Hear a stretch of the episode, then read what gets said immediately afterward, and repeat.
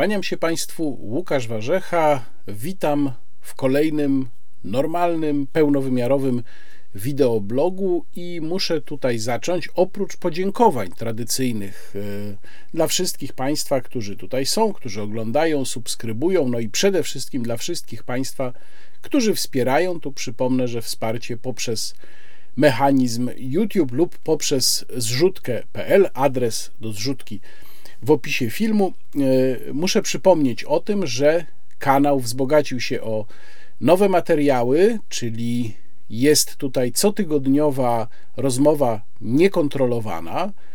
I mogę zapowiedzieć, że ta rozmowa niekontrolowana następna będzie w czwartek, nie we środę, w czwartek wieczorem się ukaże, a moim gościem jeżeli oczywiście nic się tutaj nie zmieni, będzie Sławomir Mencen, czyli nowy prezes partii Korwin. A drugi element, który pojawił się już na kanale, to podwójny kontekst. Co dwa tygodnie mój komentarz do wydarzeń wspólnie z Antonim Dudkiem. I tu bardzo gorąca prośba do wszystkich widzów kanału. Proszę o tych materiałach pamiętać, proszę również je oglądać, proszę zostawiać polubienia i komentarze. To jest bardzo ważne, żeby kanał się rozwijał, bo od tego, od liczby odtworzeń, liczby komentarzy i polubień zależy to, jak te filmy traktuje algorytm YouTube'a. No a im bardziej będzie je eksponował, to też tym więcej będzie nowych widzów. Dlatego bardzo mi zależy na tym, żeby stali widzowie mojego wideoblogu oglądali również te pozostałe materiały. Bardzo do tego zapraszam i zachęcam. Druga sprawa to chciałem podziękować za e, bardzo ciekawe i miłe spotkanie w Wołominie mm, kilka dni temu, gdzie miałem okazję mówić o sytuacji ekonomicznej Polski w kontekście wojny, ale nie tylko. Dużo ciekawych pytań. E, bardzo dziękuję wszystkim, którzy przyszli i zapowiadam od razu kolejne spotkanie. Ostatnio dużo tego dosyć się zrobiło. Kolejne spotkanie już za kilka dni w Stalowej Woli w czwartek o godzinie 18 w restauracji Heaven and Hell przy Alei Jana Pawła II 15a.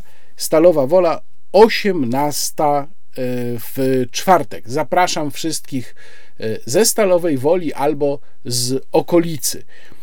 Kolejna rzecz, o której chcę powiedzieć i polecić, to moja polemika z Tomaszem Terlikowskim, z tekstem Tomasza Terlikowskiego. E, polemika, która ukazała się w Rzeczpospolitej, była odniesieniem do tekstu Tomasza Terlikowskiego, który też w Rzeczpospolitej się ukazał w plusie minusie, i tam Tomasz Terlikowski pisał o tym, dlaczego powinniśmy kompletnie rozstać się z Węgrami no, oczywiście w kontekście też wojny i stosunku Węgier do mm, Ukrainy. Ja mocno z tym polemizowałem, ponieważ tego akurat tematu konkretnie nie będę w tym wideoblogu omawiał, więc y, sygnalizuję, że taki tekst jest. Link y, podaję w opisie filmu i zachęcam do lektury, a także, i to y, kolejne ogłoszenie parafialne, ale już ostatnie, zanim przejdę do głównych tematów, i ostatnia sprawa to Mm, zapowiadam swoją recenzję książki Rafała Ziemkiewicza Wielka Polska, która to recenzja ukaże się w najbliższym numerze do rzeczy. Będzie tam również tekst Rafała, napisany na podstawie książki, przedstawiający jeden z jej wątków. No i moja recenzja, nie ukrywam, jest krytyczna. Wskazuje w niej na mielizny e, rozumowania Rafała Ziemkiewicza przedstawionego w jego książce, no tutaj nie ukrywam, że jest o tę sprawę między nami dosyć duży spór. Wskazuje na mielizny, wskazuje na niekonsekwencje. Odsyłam Państwa do tego tekstu. Nie będę przedstawiał dokładnie jego tez, ani nie będę książki Rafała recenzował. Zresztą namawiam też do tego, żebyście Państwo ją przeczytali, bo jeżeli się do czegoś odnosić krytycznie, no to trzeba się z tym zapoznać. Ja ją bardzo e, dokładnie e, przeczytałem przeczytałem i pewnie ta moja recenzja mogłaby być jeszcze dłuższa niż to, co się w najbliższym numerze do rzeczy ukaże. No nawet wielokrotnie dłuższa, ale wiadomo, papier nie jest z gumy, więc nie da się wszystkiego zmieścić. Natomiast y, narasta we mnie takie przekonanie, że być może na różne tego typu tezy dotyczące e, różnych romantycznych wizji budowy Wielkiej Polski trzeba by odpowiedzieć w jakiejś większej formie niż tylko pojedyncze teksty albo komentarz na wideoblogu. No ale to jest oczywiście zupełnie inny temat. A teraz już przechodzę do bieżących spraw.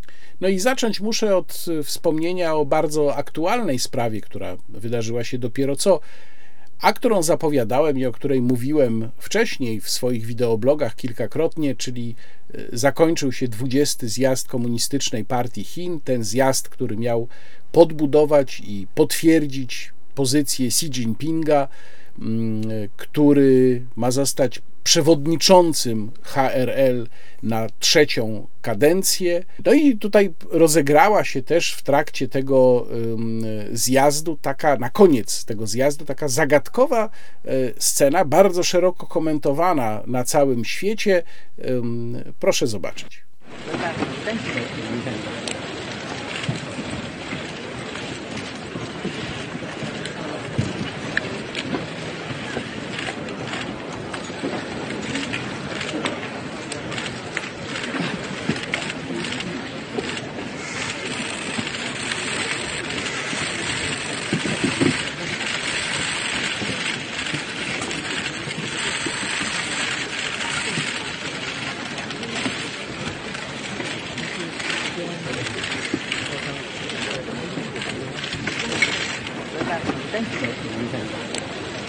谢谢。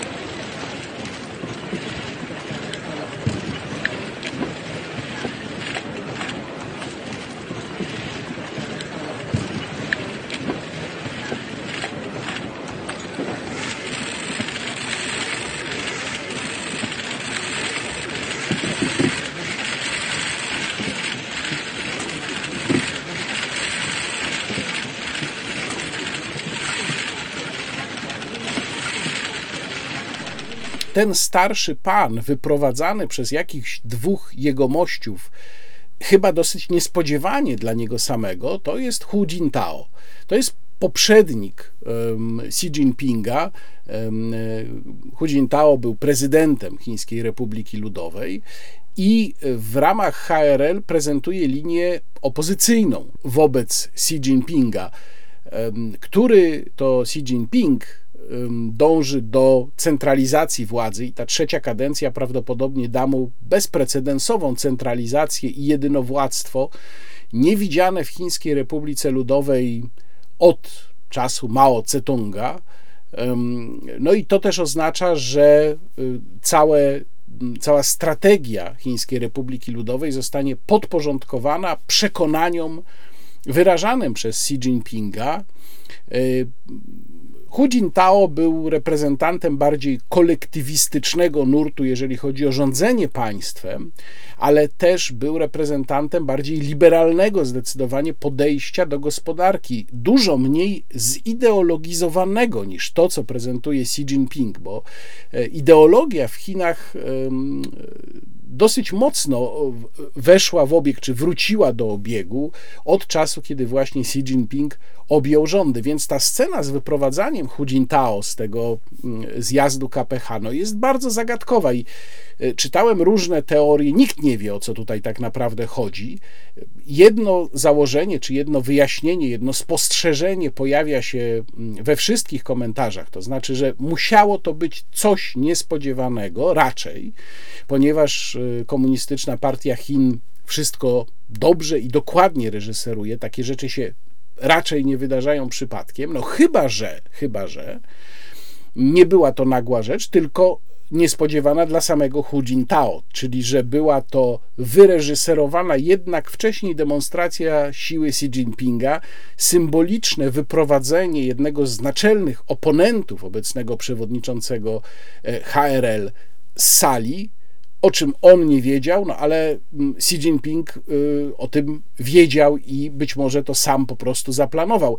Albo też chodziło tutaj rzeczywiście o jakąś niespodziewaną sprawę. No, pojawiają się też takie hipotezy, że Hu Jintao, który jest już człowiekiem y, mocno starszym, chyba ma 75 lat, jeżeli dobrze pamiętam, po prostu ma jakieś problemy zdrowotne nagle. Chociaż to, co widzieliśmy y, na tym krótkim, w tym krótkim materiale, no, pokazuje chyba coś innego, bo Hu Jintao nie wygląda tam na człowieka, który się źle poczuł. Raczej wygląda na człowieka zaskoczonego i coś próbuje najwyraźniej jeszcze Xi Jinpingowi powiedzieć. No, Myślę, że mm, tutaj, tak jak kiedyś byli kremlinolodzy, którzy tam wnioskowali o sytuacji na Kremlu z tego, kto gdzie stał na trybunie na Placu Czerwonym w czasie defilady 9 maja, no to tutaj pewnie sinolodzy czy pekinolodzy powinni się wypowiedzieć, ale też no, będą tylko mogli spekulować. W każdym razie ta y, wygrana, ewidentna wygrana nad oponentami Xi Jinpinga, a przypomnę, że jeszcze no, tydzień, dwa tygodnie temu była mowa o tym, że być może Xi Jinping straci władzę, że ta opozycja przeciwko niemu okaże się wystarczająco silna, żeby go obalić, ale tak się ewidentnie nie stało. Więc ta wygrana Xi Jinpinga no, oznacza być może, być może, bo nie wiemy nic na pewno, ale być może oznacza mocny zwrot Chin ku bardziej konfrontacyjnej polityce. To z kręgu Xi Jinpinga wychodziły y, zapowiedzi, komentarze mówiące o tym, że no, trzeba będzie mocniej przycisnąć Tajwan, cokolwiek to znaczy. Niektórzy komentatorzy bliscy właśnie środowisku Xi Jinpinga wspominali nawet o pełnoskalowej wojnie o Tajwan.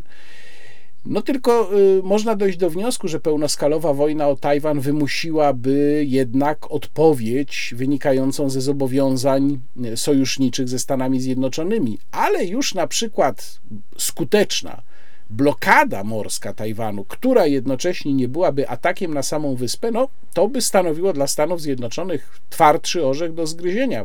Co w takiej sytuacji zrobić, prawda? Jak, jak zareagować? Natomiast na pewno odciągnęłoby to dosyć skutecznie uwagę i zasoby Stanów Zjednoczonych z naszej części Europy.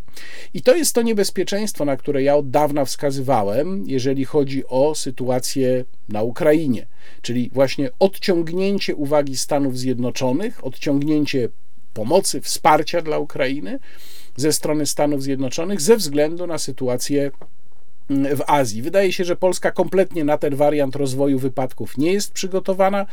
Natomiast, y, no ja będąc po lekturze kilku tekstów analizujących politykę Xi Jinpinga, y, przytaczających jego fragmenty jego wystąpień, y, muszę powiedzieć, że nawet sam nie zdawałem sobie sprawy, do jakiego stopnia taka pewna ideologiczna zażartość jest obecna w myśli tego chińskiego przywódcy.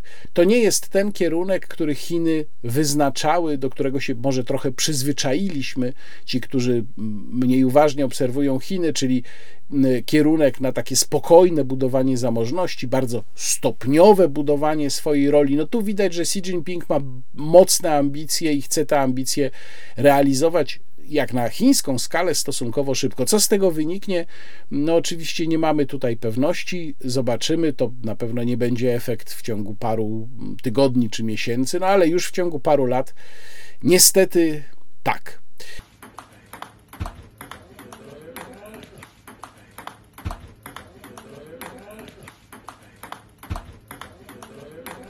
Przechodząc do następnego tematu, y, który zapowiedział znany Państwu dobrze jingle z panem premierem y, pykającym w pingla.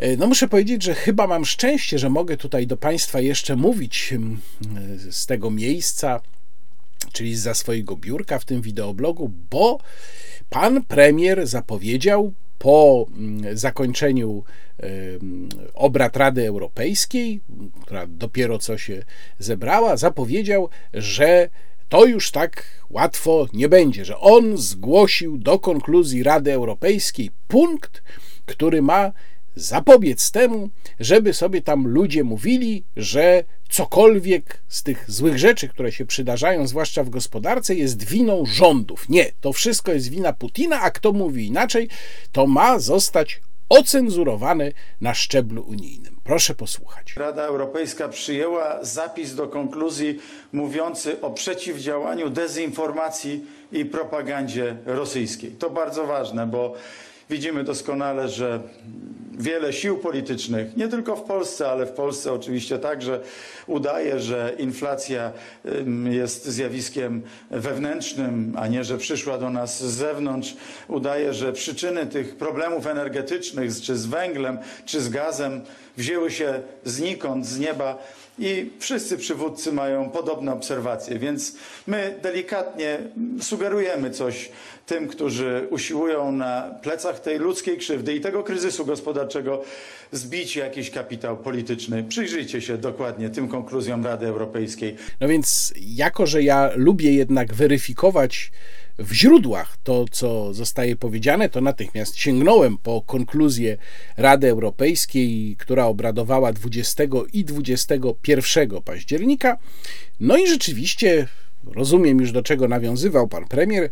Mianowicie pierwszy rozdział konkluzji nazywa się Ukraina, Rosja i w pierwszym punkcie, czyli na samym początku czytamy tak. Rada Europejska odniosła się do eskalowanej przez Rosję wojny napastniczej przeciwko Ukrainie, która to wojna stwarza ryzyko dla pokoju i bezpieczeństwa w Europie i na świecie. Rada Europejska jest zdecydowana przeciwdziałać dezinformacji, mającej na celu niweczenie naszych zbiorowych wysiłków na rzecz obrony suwerenności Ukrainy i międzynarodowego porządku opartego na zasadach. Powtarza, że Rosja ponosi wyłączną odpowiedzialność za obecny kryzys energetyczny i gospodarczy. No, muszę powiedzieć, że jednak jest to dosyć śmiałe stwierdzenie, bo oczywiście Rosja ponosi dużą część winy, ale czy ponosi wyłączną winę? No, nie powiedziałbym szczególnie, że sytuacja gospodarcza w różnych krajach jednak mimo kryzysu jest różna. Różne są poziomy inflacji, różne są poziomy zadłużenia państw, różne są perspektywy, jeżeli chodzi o wzrost lub spadek produktu krajowego brutto, no więc to jest rzeczywiście punkt o takim cenzorskim brzmieniu i wcale się nie dziwię, jeżeli zaproponowała go Polska i Mateusz Morawiecki, e, no bo te cenzorskie tendencje ze strony polskiego rządu to przecież doskonale znamy.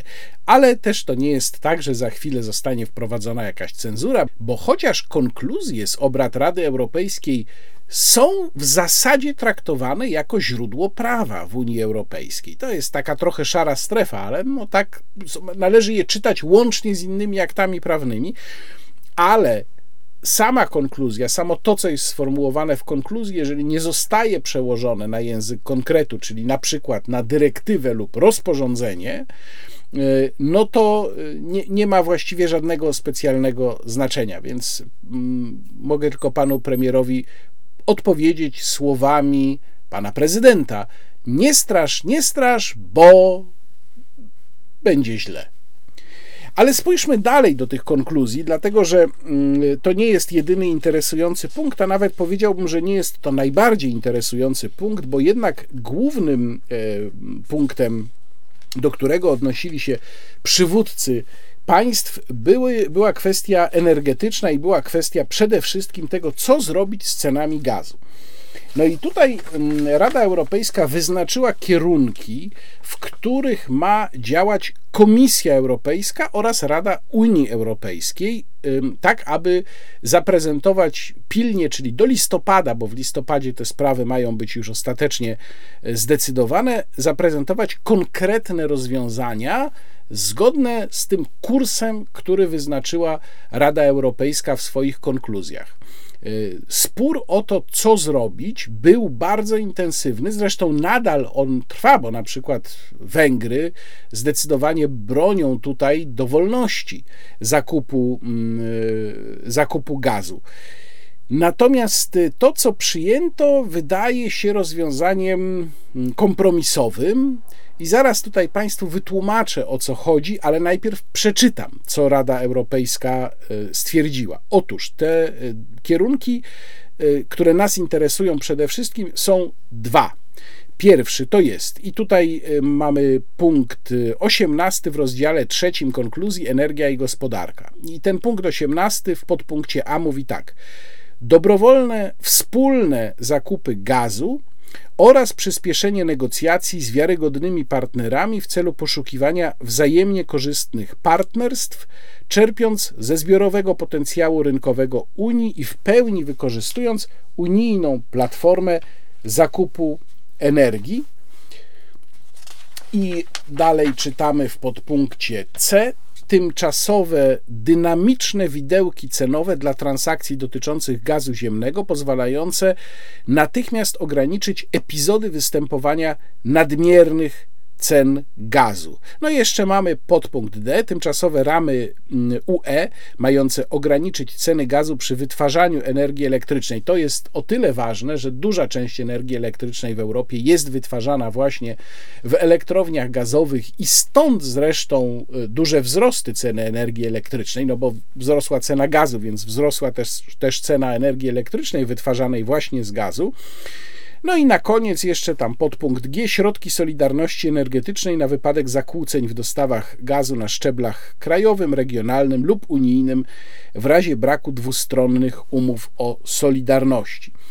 I myślę, że tu przede wszystkim warto powiedzieć, mm, na czym polegał ten spór mm, i o co chodziło w tych sposobach na ograniczenie ceny gazu. Bo czemu to w ogóle ma służyć? Mogą się Państwo zastanawiać, po co w ogóle ograniczać cenę, po której państwa Unii miałyby kupować gaz? No, chodzi o to, żeby e, te ceny zbić. To znaczy, jak my sobie narzucimy, takie, takie było rozumowanie, jak my sobie narzucimy pewien górny pułap, no to skoro więcej nie wydamy na gaz niż ten pułap wynosi, no to też gaz nie będzie drożej kosztował gaz dostarczany czy to przedsiębiorstwom w danym kraju, czy e, w e, obywatelom.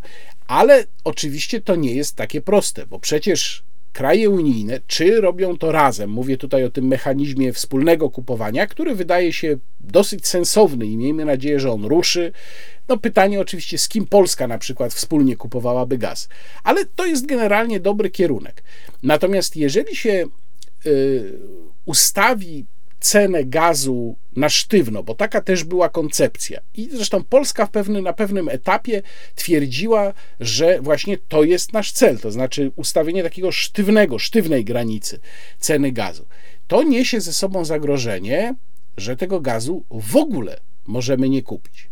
No bo przecież Europa, kraje europejskie kupują gaz od dostawców gazu, którzy po prostu działają na zasadach rynkowych. No to dotyczy i Amerykanów, i Norwegów, i innych źródeł gazu ziemnego. I w takiej sytuacji, skoro mamy bardzo dużą konkurencję, jeżeli chodzi o kupowanie gazu, bo przecież gazem zainteresowane są również kraje Azji i też go potrzebują, to jeżeli się narzuci sztywną granicę, sztywny poziom ceny, no to nie jest trudno przelicytować kraje europejskie. Y, wystarczy, że zalicytuje się, czy przedstawi się cenę minimalnie wyższą niż ten poziom ograniczenia ceny gazu w Europie i się wygrywa po prostu cenowo. No, no, i to właśnie jest zagrożenie związane z y, takim pułapem cenowym, czy też ograniczeniem cenowym. Stąd jest mowa o tych y, elastycznych widełkach. Elastyczne widełki to jest taka koncepcja, zgodnie z którą cena gazu miałaby owszem być ograniczona od góry, natomiast ona by nie miała być przez cały czas jednakowa, tylko miałaby być dostosowywana właśnie do tego, jaką cenę oferuje konkurencja. Czyli przede wszystkim mówimy tu o krajach Azji. Jeżeli tam cena gazu by rosła, czy cena, za którą tamtejsze państwa kupowałyby gaz, no to Europa wtedy też by podnosiła odpowiednio ten poziom, tak, żeby no jednak być konkurencyjna w oferowanej cenie. No tu rzecz jasna jest dużo zagrożeń i trzeba bardzo dobrze ten system dostroić, żeby się właśnie nie okazało, że Europa zostaje po prostu bez gazu, albo że sama sobie utrudnia negocjacje, jeżeli chodzi o zakup gazu. Czy to da oczekiwany efekt? Nie wiem. No tu mamy taką trochę dziwną sytuację, że z jednej strony Europa chce um, uregulować sobie sama dosyć mocno ten rynek gazowy, ale to jest tylko od strony kupującego. Natomiast sprzedający działa cały czas w warunkach wolnego rynku. I jak to wyjdzie w praktyce, czy to się zepnie, prawdę mówiąc, nie mam pojęcia. Jestem natomiast przekonany, że sztywna granica górna na cenę gazu byłaby najgorszym rozwiązaniem, natomiast ta, te, te widełki, które mają się poruszać w zależności od tego, jaka jest cena gazu na rynkach, no to to nie jest rozwiązanie y, aż tak złe, jak sztywna cena gazu. Tam y, chodziło również o to, i to myślę będzie mm, przedmiotem uzgodnień żeby nie było y, konkurencji pomiędzy krajami Unii, no bo można sobie też wyobrazić, że kraje Unii z kolei będą konkurować pomiędzy sobą i y, kto pierwszy, czy to właściwie nie kto pierwszy, tylko kto da więcej, ten lepszy. Więc to też była pewna obawa, że w, te, w ramach takiego systemu dosyć luźnego mogłaby nastąpić konkurencja pomiędzy państwami Unii. Y, powiadam, będzie to wszystko zdecydowane na y, nadzwyczajnym szczycie listopadowym. Zobaczymy, jakie rozwiązania wtedy zostaną przyjęte. W każdym razie, y, niby plan jest w jakiejś mierze sensowny, bo faktycznie jego celem i zamysłem jest to, żeby ceny, po których potem będą gaz kupować konsumenci, ograniczyć, ale na tym styku ze sprzedającymi, no, może dojść do sytuacji mm, niepożądanej, słabej dla Europy. Poczekamy parę tygodni, będziemy wiedzieć, jaki mechanizm ostatecznie został przez Unię Europejską zatwierdzony.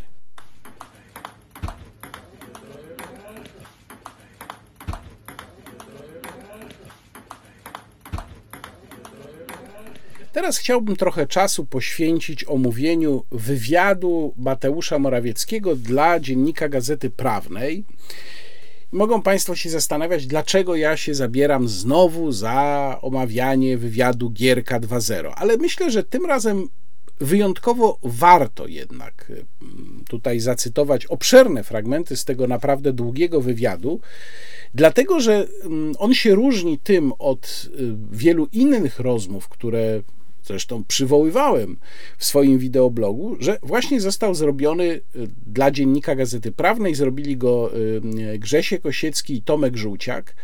No i tutaj muszę y, obu kolegom pogratulować, bo ten wywiad jest tak zrobiony, że on przypomina, na czym polega normalne dziennikarstwo, czyli jak się po prostu rozmawia z politykiem, nie klęcząc przed nim, tylko na takich zasadach, jak dziennikarz z politykiem powinien rozmawiać dobry wywiad, który warto przeczytać. Link do wywiadu, który jest otwarty, więc nie ma problemu. Zamieszczam w opisie filmu i y, przechodzę do omówienia najważniejszych kwestii. Tego będzie dosyć dużo, ale naprawdę warto. Pierwsza sprawa, Mateusz Morawiecki, pytany o kwestię nośników energii, o kwestię węgla, wyraźnie mówi, że ta kwestia będzie, czyli ten, ten problem z węglem i sposoby jego rozwiązywania, e, rzekome sposoby, ta kwestia będzie aktualna także w przyszłym roku, bo nie zamierzamy znosić embarga na rosyjski węgiel. E, ja tylko przypomnę, że być może wciąż po rosyjskiej e, stronie granicy, czy po białoruskiej stronie granicy, leży węgiel kupiony przez polskich importerów, który to węgiel polski rząd zabronił tym importerom w pewnym momencie sprowadzić do Polski. Węgiel już opłacony wcześniej. E, I mimo apeli już miesiące temu zresztą, e, apeli, w tym apeli Konfederacji, rząd e, nie zdecydował się na to, żeby ten węgiel do Polski wpuścić. Dalej dziennikarze pytają, co z taryfami na gaz dla odbiorców indywidualnych i dla firm. To jest o tyle ważne, że mamy mechanizm chroniący między innymi e, małe i średnie firmy przed e, gigantycznymi wzrostami cen prądu. Ta ustawa została już przez Sejm przegłosowana ale przecież jest wiele firm wrażliwych na ceny gazu. Tu, y, nawiasem mówiąc, polecam moją ostatnią rozmowę z cyklu Rozmowy Niekontrolowane z Adamem Abramowiczem, rzecznikiem małych i średnich przedsiębiorców, którego między innymi właśnie o tę sprawę pytam. No i zresztą pytam też o to, jak w ogóle firmy, małe i średnie firmy radzą sobie w tym kryzysie mm, energetycznym. No i odpowiedź jest: zadbamy i o to, ale bez żadnych szczegółów.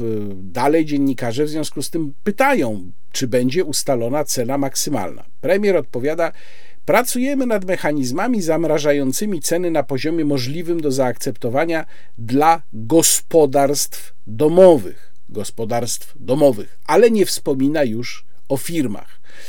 No ja nie muszę mówić, że jest wiele sektorów, które są energochłonne, jeżeli chodzi o gaz. No, między innymi cena chleba przecież, która jest w wielu przypadkach już absurdalna. E, no, niedawno widziałem w jednym ze sklepów e, chleb z takiej rzeczywiście lepszej piekarni tutaj na Mazowszu już po ponad 10 zł, a to nie był jakiś wystrzałowy super chleb, tylko taki no, zwykły razowy chleb pakowany, krojony. I tutaj dziennikarze pytają, czy my wprowadzimy takie rozwiązanie, nie oglądając się na Unię, mając na myśli właśnie ograniczenie ceny, za którą byśmy kupowali gaz. I premier mówi: Tego na dziś nie mogę obiecać, ponieważ może się okazać, że dostawcy nie będą chcieli nam sprzedawać gazu w cenach, które umożliwią takie działanie. Czyli mówi dokładnie to, o czym ja przed momentem Państwu opowiadałem, ale w skali całej Unii. Oczywiście, gdyby Polska się zdecydowała mm, jako indywidualny kraj na ustawienie takiego ograniczenia cenowego, no to w ogóle nie byłoby o czym mówić. To znaczy, no wtedy bylibyśmy mm, wobec dostawców gazu kompletnie niekonkurencyjni, więc y, to po prostu jest, byłby to fatalny pomysł. E, dalej e, Mateusz Morawiecki mówi: Nie wykluczałbym, że cała Unia zgodzi się na maksymalne ceny gazu, zwłaszcza w obliczu ostatnich zapowiedzi Ursuli von der Leyen o wspólnych zakupach. No to już wiemy, że kierunkowo to tak zostało zapowiedziane w konkluzjach Rady Europejskiej, a co do szczegółów, no to musimy jeszcze około miesiąca poczekać. Mm, dalej jest pytanie o to, czy nie zabraknie węgla. Tu Mateusz Morawiecki sygnalizuje, że blokuje nas przepustowość portów. Oczywiście nic nie mówi o jakości węgla, który dociera przez te porty, a ta jakość bywa bardzo słaba, ale dalej dziennikarze pytają, czy embarga na rosyjski węgiel nie ogłosiliśmy za wcześnie, na hura, zanim przemyśleliśmy, jak sobie poradzimy z deficytem. I Mateusz Morawiecki odpowiada tak. Przypomnijmy sobie sytuację wiosną. Kijów był w bardzo trudnej sytuacji. Zachodnim komentatorom wydawało się, że Ukraina upadnie w ciągu najbliższych tygodni. Dlatego trzeba było zrobić natychmiast wszystko, by zdusić Rosję, i dlatego tak mocno naciskaliśmy na jak najdalej idące sankcje wobec niej. Dziś widzimy efekty. Naprawdę? Ukraina nie tylko ma szansę przetrwać i obronić swoją suwerenność, lecz także obronić swoją integralność terytorialną. Tylko przypomnę, pytanie było o węgiel. O embargo na węgiel, które przecież Unia wprowadziła, no tylko że wprowadziła je od połowy sierpnia. Więc ja bym pana premiera chciał zapytać, przepraszam panie premierze, ale jaki związek nasze embargo na węgiel wprowadzone w połowie kwietnia miało z tym wszystkim, o czym pan mówi? Znaczy, proszę pokazać jakąś korelację jakiś efekt proszę pokazać. Właściwie nie korelację, tylko związek przyczynowo-skutkowy. Znaczy, proszę pokazać, do jakiego stopnia wprowadzając w połowie kwietnia embargo na węgiel, zaszkodziliśmy Rosji. Bo ja bym postawił tezę, że zaszkodziliśmy jednak głównie sami sobie. No i dalej jeszcze pan premier ciągnie ten temat, bo pojawia się pytanie, czy stwierdzenie, ale rząd powinien podejmować decyzje, kiedy jest pewny skutków. Na co pan premier mówi? Upadek Ukrainy i zwycięstwo Rosji skutkowałoby o wiele dalej idącym kryzysem niż dzisiejszy. Czyli e, pan premier twierdzi, że gdybyśmy nie zabronili wjazdu rosyjskiego węgla od połowy kwietnia, to mielibyśmy Rosjan w Polsce. No, Taki zresztą, takie rozumowanie przedstawia nam się przecież od początku wojny, prawda? Że jak nie będziemy płacić na przykład 7 zł za litr benzyny, to zaczną na nas spadać bomby. Dalej yy, ciągnięty jest jeszcze temat węgla, i yy, tutaj yy, pan premier wraca, czy właściwie pytający wracają, a pan premier komentuje kwestię y, słynnej ustawy, która miała y, za pomocą dodatku węglowego oznaczać cenę tony węgla 996 zł. No ale jak wiadomo, nie wyszło. I tu pan premier mówi tak. Po drugie, proponowana pierwotnie dopłata dla firm zakładała pełną współpracę po stronie składów węglowych. I tu kłania się wolny rynek. My go szanujemy, ale on nie podjął współpracy na tamtych warunkach. No muszę powiedzieć, że takiej bezczelności to ja dawno jednak nie słyszałem, a przecież dużo bezczelności z ust pana premiera wypływa. Ta, ta jest jednak wyjątkowo duża. Znaczy, wolny rynek miał, przypomnę, polegać na tym, że skład węgla wyłoży swoje pieniądze, sprzedając węgiel za nie więcej niż tam było około 2000 ustalone w ustawie, i potem wypełni 1058,5 kwitka, zwróci się o zwrot tych pieniędzy do instytucji państwowej i może, jak ta instytucja zatwierdzi ten wniosek, to może ten zwrot dostanie po kilku miesiącach. Znaczy, i teraz pan premier mówi, że składy i wolny rynek nie chciały współpracować? I dalej kolejna dziwaczna odpowiedź pana premiera. Pytanie brzmi: a kiedy możemy się spodziewać decyzji w sprawie budowy bloków jądrowych w Polsce? Czy tego typu dalekosiężna decyzja nie powinna zostać podjęta w dialogu z opozycją? Pan premier mówi tak. A w tym przypadku opozycja miałaby prawdopodobnie jedną radę, aby wzorem Niemiec zrezygnować z energii atomowej. Skąd Mateusz Morawiecki wziął takie, taką opinię czy takie e, przypuszczenie? Bo ja jestem bardzo krytyczny, jeżeli chodzi o większość polskiej opozycji, natomiast kompletnie nie kojarzę, żeby po stronie opozycji, czy to Platformy Obywatelskiej, czy Konfederacji, czy nawet Lewicy, pojawiały się takie głosy, że mielibyśmy zrezygnować z energetyki jądrowej. Raczej jest przeciwnie. Wręcz jest tak, że na przykład lewica proponowała w pewnym momencie, żebyśmy wydzierżawili od Niemców działające tam elektrownie jądrowe, które oni chcieli zamknąć. Już nie zamkną, nawiasem mówiąc, bo kanclerz Scholz podjął e, na mocy takich specjalnych swoich prerogatyw decyzję o wydłużeniu działalności tych elektrowni, które miały być w tym roku zamknięte, chyba o prawie rok, jeżeli dobrze pamiętam. E, więc ja w Polsce nie widzę opozycyjnych partii, ugrupowań, które by, przynajmniej tych, które są w parlamencie, które by postulowały rezygnację z energii jądrowej. Więc pan premier sobie stawia jakiegoś chochoła i bohatersko z tym chochołem walczy. W, kolejnym, e, w kolejnej odpowiedzi pan premier wykazuje się, no powiedziałbym, rzadko widzianym realizmem, dlatego że dziennikarze pytają o to, jak e, dyskusje wewnątrz Unii, podejmowane interwencje na rynkach zmienią układ sił w Europie, czyli pytanie, kwestia, e, nad którą się chyba wszyscy komentatorzy dzisiaj i analitycy zastanawiają. I tu pan premier mówi tak.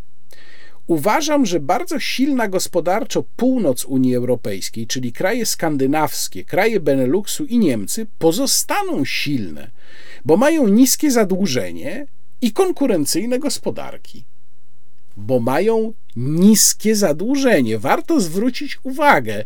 Mam wrażenie, że tu pan premier powiedział coś, czego być może nie chciałby mówić, ponieważ dalej, gdzie się odnosi do kwestii polskiego zadłużenia, no próbuje ten problem jakoś tam trochę lekceważyć. A tutaj jednoznacznie wskazuje na to, że niskie zadłużenie gospodarek północy Europy jest absolutnie ich atutem i dlatego one pozostaną silne. No to y, trochę mi się to nie składa z tym, co o zadłużeniu Polski pan premier mówi. No i dalej oczywiście dodaje, że natomiast coraz bardziej widoczna jest rosnąca siła Europy Centralnej z Polską na czele. To jest temat, powiedzmy, do dyskusji. E, dalej e, pada taka sugestia ze strony dziennikarzy, czy pytanie w odpowiedzi na deklarację, że dostawy broni dla Ukrainy są najważniejsze, przekażemy im nasze migi. Ale pan premier tu mówi stanowczo, nie ma tego tematu przekazaliśmy bardzo dużo sprzętu.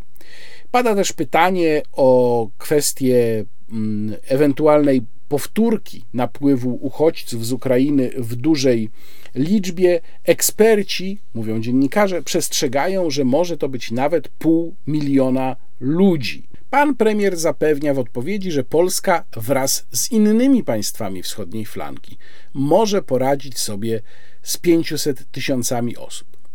Następne pytanie, bardzo ważne i dobrze, że ono w tym wywiadzie padło. Widzimy, że dosyć dwuznacznie w tym wszystkim się zachowuje Arabia Saudyjska, która gra na zmniejszenie produkcji ropy. Czy w tym kontekście sprzedaż lotosu nie okazuje się błędem? Tu chciałbym Państwa odesłać do mm, mojej poprzedniej rozmowy niekontrolowanej z panem doktorem Wojciechem Szewką, który mówił między innymi właśnie o tym, w co i po co gra Arabia Saudyjska. I odpowiedź pana premiera na to pytanie no jest bardzo interesująca. Pan premier mówi tak: Arabia Saudyjska z całą pewnością jest wiarygodnym partnerem, największym i najważniejszym producentem ropy. Skoro chcemy jak najszybciej odciąć się od Rosji i mamy nadzieję, że cała Europa to zrobi, to Arabia Saudyjska wydaje się najbardziej naturalnym partnerem. Podobnie jak Katar bądź Zjednoczone Emiraty Arabskie. Przecież cały świat współpracuje z tymi państwami, które mają swoje interesy i ich bronią, ale nie są agresorami. To jest bardzo interesująca odpowiedź z dwóch powodów. Po pierwsze, dlatego, że no tu jest wyraźne votum separatum wobec sporu saudyjsko-amerykańskiego, y, który jest tak naprawdę przyczyną pierwotną przecież tego, że Arabia Saudyjska działa no, funkcjonalnie na korzyść Rosji, ale tak naprawdę to głównie chodzi tutaj o mm, dopieczenie Stanom Zjednoczonym. Więc tutaj jest zasygnalizowanie, że my w tej sprawie robimy własną politykę. I to bardzo dobrze.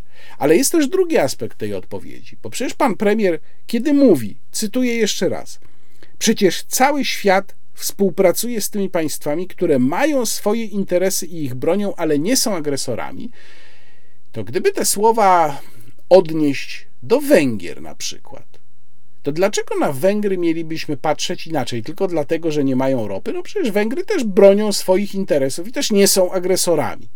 I moglibyśmy właściwie te słowa odnieść do bardzo wielu krajów świata, do których e, niektórzy polscy politycy zgłaszają jakieś dosyć infantylne pretensje, a które to kraje po prostu bronią swoich interesów i mają do tego pełne prawo. Teraz e, dziennikarze przechodzą do kwestii inflacji.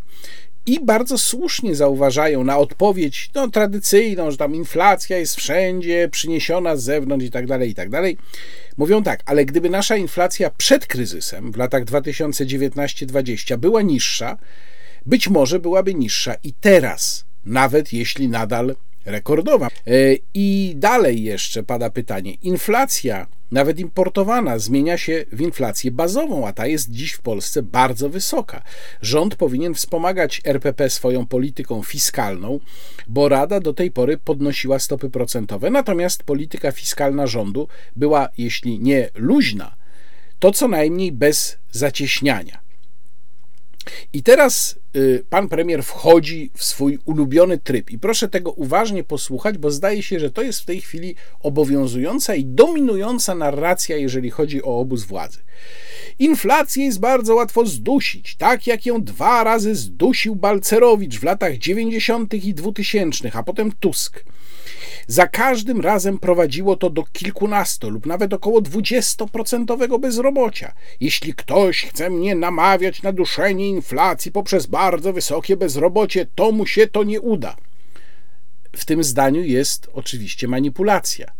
To nie bezrobociem dusi się inflację. To nie jest tak, że Balcerowicz czy tam ktokolwiek inny zarządził, no to teraz wprowadzimy wysokie bezrobocie i zdusimy w ten sposób inflację. To jest jakiś absurd. Bezrobocie może być skutkiem spowolnienia gospodarczego, które z kolei może wynikać z y, świadomego, planowego y, duszenia wzrostu lub odejmowania, zdejmowania pieniędzy z rynku. ale to wtedy bezrobocie jest ubocznym skutkiem. Poza tym wcale nie ma takiej reguły. To bardzo słusznie widziałem dzisiaj, wskazał na Facebooku Stefan Sękowski, pisząc, że były okresy, kiedy bezrobocie było wysokie i inflacja była wysoka, a były takie, kiedy bezrobocie było niskie i inflacja była niska. Więc tutaj nie ma takiej zależności prostej, o której mówi pan premier. I dalej pan premier mówi tak: z jednej strony będziemy zacieśniać politykę fiskalną, a z drugiej przekazujemy dodatki dla najbardziej potrzebujących grup społecznych i dalej zamierzamy tak działać. No, 14 emerytura, przypomnę. Walka z inflacją musi się odbywać poprzez odpowiedni miks polityki fiskalnej, monetarnej i regulacyjnej. Jeśli regulacyjna się zaostrza, a w wielu miejscach jest zaostrzona, chociażby na rynkach finansowych, jeśli polityka pieniężna jest restrykcyjna, to polityka fiskalna nie może być skrajnie zacieśniona, bo doprowadzi się do gwałtownego zdławienia wzrostu gospodarczego i bardzo szybkiego przyrostu bezrobocia. No ale to, co pan premier opowiada, zresztą Jarosław Kaczyński mówi dokładnie to samo, pewnie powtarza po Morawieckim. To w zasadzie wygląda tak, jakby stać przy pożarze i z jednej ręki polewać wodą z węża, a z drugiej z węża polewać benzyną. Y, te działania, o których mówi pan premier, z ekonomicznego punktu widzenia się równoważą, czyli w zasadzie moglibyśmy równie dobrze nic nie robić bo one się znoszą nawzajem. I oczywiście żadnego zwalczenia inflacji tutaj nie będzie. No i tutaj jest pytanie teraz o budżet, y, i tutaj proszę się trzymać, bo to jest dobre. Ekonomiści zarzucają panu, pytają dziennikarze, że w ostatnich latach coraz większa część wydatków państwa znalazła się poza budżetem i kontrolą parlamentu. Za to w siłę rośnie Polska funduszowa. W przyszłym roku to może być aż 422 miliardy złotych. I tu pan premier mówi: Rozumiem, że chodzi o ekonomistów szkoły Balcerowicza, zaangażowanych politycznie turboliberałów. Uczciwiej byłoby powiedzieć, że zarzucają mi to politycy PO. Te nerwy Mateusza Morawieckiego, no bo chyba to jest taka nerwowa dosyć odpowiedź, wynikają z tego, że dziennikarze mówią po prostu o faktach. Wyprowadzenie zadłużenia i dużej części wydatków budżetowych do funduszy celowych, których jest tyle, to chyba już Państwu mówiłem, w, nawet nie w jednym wideoblogu, że nawet nikt nie jest w stanie policzyć tak naprawdę, ile tych funduszy jest. To przecież to nie jest jakiś wymysł turboliberałów. To jest fakt. To się po prostu dzieje. Te pieniądze zostały wyprowadzone do funduszy i są poza kontrolą parlamentu i poza budżetem. No więc jakie to ma znaczenie, czy ktoś jest uczniem Balcerowicza, Kropiwnickiego, Cezarego Mecha, nie wiem, no kogokolwiek, prawda? To jest po prostu fakt. Te pieniądze są poza budżetem. I czy ktoś jest zwolennikiem PiS, czy zwolennikiem Platformy, to niczego to nie zmieni, panie premierze. I kolejna kwestia, nawiązanie tutaj do tego, co wcześniej mówił pan premier, w czym tkwi siła krajów północy Europy. Przypomnę, powiedział, że w niskim zadłużeniu. No więc dziennikarze pytają, wchodzimy w etap intensywnego zadłużania się, a w zeszłym tygodniu rentowność papierów skarbowych sięgnęła 8%, to już nieaktualne, bo dziesięcioletnie obligacje skarbowe przed zaledwie paroma dniami sięgnęły już 9%. No to jest poziom kosmiczny po prostu. Nie mówiąc już o tych emitowanych przez fundusze. Duża część długu jest emitowana poza budżetem. Nie martwią pana premiera rentowności obligacji. I dalej jeszcze pytają dziennikarze. Mimo to koszty obsługi długu w przyszłym roku wzrosną dwukrotnie e, do 66 miliardów złotych, czyli to, co musimy zapłacić, wykupując obligacje z odsetkami które będą miały datę zapadalności w przyszłym roku. I znów dotyczy to obligacji skarbowych, a nie długu zaciąganego na przykład za pośrednictwem BGK. Niektórzy ekonomiści biją na alarm. Odpowiedź. Owszem, bardzo mnie to niepokoi. I dlatego będę się starał nie tylko trzymać finanse publiczne w ryzach, lecz także w taki sposób komunikować się z rękami finansowymi, aby widziały, że w średniej perspektywie będzie dochodziło do ograniczenia deficytu budżetowego i do zmniejszenia długu publicznego w proporcji do PKB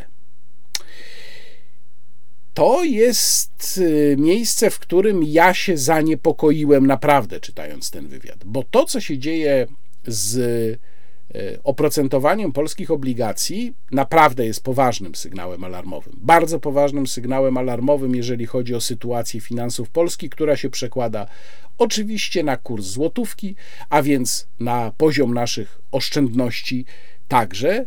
I jeżeli tutaj Mateusz Morawiecki mówi, że bardzo go to niepokoi, a jednocześnie posługuje się jakimiś ogólnikami, że będzie się komunikował z rynkami finansowymi, w średniej perspektywie będzie dochodziło do ograniczenia deficytu budżetowego, no to wszystko jest takie jakieś mało konkretne. Natomiast kwestia zmniejszenia długu publicznego w proporcji do PKB, no to, to jest też pewna manipulacja. E, ja pamiętam, jak chyba dwa lata temu propisowscy komentatorzy bardzo się tym ekscytowali właśnie, że poziom zadłużenia w stosunku do PKB spada. Tylko miejmy tę świadomość, że wzrost nominalny PKB, który może być związany na przykład z inflacją przecież, e, automatycznie redukuje nam poziom zadłużenia w stosunku do PKB, ale zadłużenie jednocześnie wzrasta w liczbach bezwzględnych. Jeżeli spada w relacji do PKB, to wcale nie oznacza, że Polska jest mniej zadłużona. To znaczy tylko tyle, że no właśnie zmieniła się ta relacja, a jak mówię, może to być również skutkiem inflacji. Dalej premier mówi: Po drugie, bardzo niepokoją mnie wzrosty rentowności obligacji i zrobimy wszystko, aby w tych trudnych okolicznościach doprowadzić do zmniejszenia inflacji oraz do umocnienia polskiej waluty i pokazania rynkom finansowym, że panujemy nad deficytem na rachunku bieżącym, deficytem handlowym i budżetowym. No i znów. Nie ma tu żadnego konkretu, jest takie ogólne bleblanie, pokażemy tam, że panujemy i tak dalej, yy, i zrobimy wszystko, żeby doprowadzić do zmniejszenia inflacji, no to przecież wcześniej pan premier mówił, że nie zrobi wszystkiego, ponieważ nie zamierza e, ograniczać wydatków socjalnych, więc już sam sobie zaprzeczył zaledwie na e, dwóch sąsiednich stronach tego wywiadu. No i teraz kwestia gorąca, o której obszerniej za chwilę będę Państwu mówił, czyli kwestia funduszy z Unii Europejskiej pada pytanie o wypłaty z KPO, a także o medialne doniesienia o możliwej blokadzie 76 miliardów euro z polityki spójności. Takich kłopotów się nie spodziewamy, uspokaja pan premier, ponieważ rozporządzenie dotyczące wieloletnich ram finansowych zostało przez nas wynegocjowane tak, że do żadnego wstrzymywania środków nie powinno dochodzić. Jeśli by jednak do takiego politycznie motywowanego wstrzymania środków dochodziło, to będziemy oczywiście walczyć o praworządność i upominać się o te pieniądze. No, e, nie muszę chyba kolejny raz powtarzać, że to jest zero konkretów i czysta propaganda. Kiedy złożymy pierwszy wniosek o płatność z KPO? Pada pytanie. Chciałbym to zrobić w najbliższych kilku tygodniach. Kwestie związane z wymiarem sprawiedliwości, od których UE uzależnia wypłaty, uznajemy za wystarczająco rozwiązane. No problem w tym, że Komisja Europejska ich nie uznaje, panie premierze, za wystarczająco rozwiązane. I dalej, czy nie czeka nas ostra konfrontacja z Unią o dużo większe pieniądze? Pytają dziennikarze. Jeśli radykałowie z obu stron zabiorą się za temat funduszy z wieloletnich ram finansowych, to nie wykluczam, że i ta kwestia może stanąć jako przedmiot sporu. Radykałowie tacy jak Zbigniew Ziobro? Radykałowie z obu stron. Zostanę przy tym sformułowaniu. No, mądrej głowie dość dwie słowie. Tyle wywiadu z Mateuszem Morawieckim, który jeszcze raz Państwu polecam. Polecam nie tylko dlatego, że sam wywiad jest ciekawy, ale też po to, żeby przypomnieć sobie, jak się prowadzi wywiady, kiedy się jest prawdziwym dziennikarzem. Zanim przejdę do omówienia kwestii pieniędzy z Unii Europejskiej, no to chciałbym Państwu pokazać głośne z pewnego powodu spotkanie Jarosława Kaczyńskiego z narodem w Pabianicach, a właściwie nie tyle samo wystąpienie, bo te wystąpienia, jak Państwo wiedzą, ja je kilkakrotnie pokazywałem, są bardzo powtarzalne, ale tam ciekawa była część pytań od publiczności.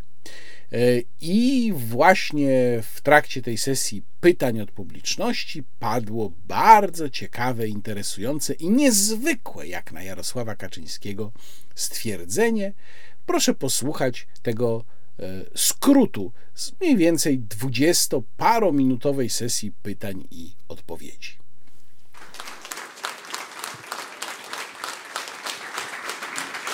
Jarosław! Jarosław! Jarosław!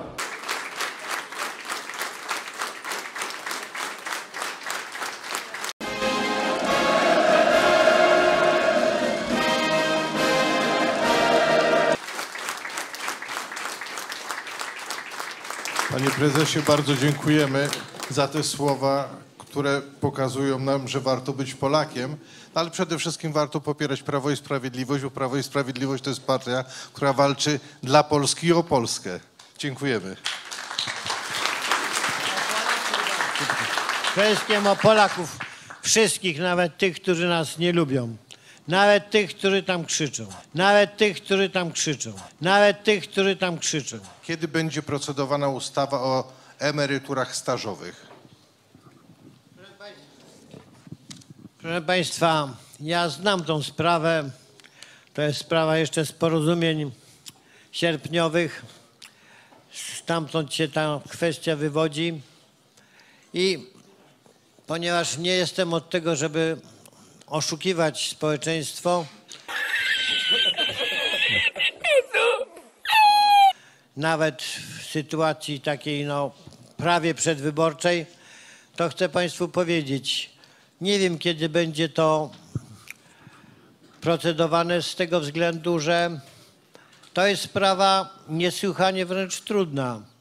Przecież to ma doprowadzić do tego, że pięćdziesięciokilkuletni, a więc w sile wieku mężczyźni i jeszcze młodsze kobiety, no, ponieważ kobiety zawsze są młode, ale to w takim wieku, o który tu chodzi, to w ogóle to dziewczęta.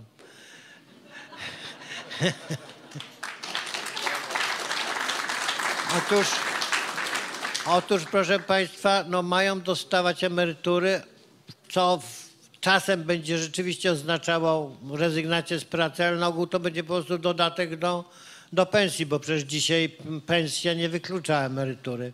Takie było orzeczenie Trybunału Konstytucyjnego i ono jest przestrzegane. Czyli krótko mówiąc, no to jest jednak przedsięwzięcie dla państwa w sytuacji no, olbrzymich obciążeń i ciągle bardzo wielkich grup, które potrzebują pomocy, w sytuacji kryzysu demograficznego, gdzie trzeba wszystko robić, żeby tych dzieci było więcej, no bardzo, ale to bardzo trudno. Kiedyś przyjdzie taki moment, w którym będziemy mogli się nad tym bardzo poważnie zastanowić, ale ja nie chcę Państwa oszukiwać, że wiem, kiedy to będzie, bo my przecież nie mamy żadnego sezamu, z którego wyciągamy pieniądze na zasadzie sezamie otwórz się, tylko mamy to, co no uczciwie mówiąc zabieramy z kieszeni y, obywateli. No uczciwie mówiąc zabieramy z kieszeni y, obywateli. No uczciwie mówiąc zabieramy z kieszeni y, obywateli. Let us never forget this fundamental truth. The state has no source of money other than the money people earn themselves.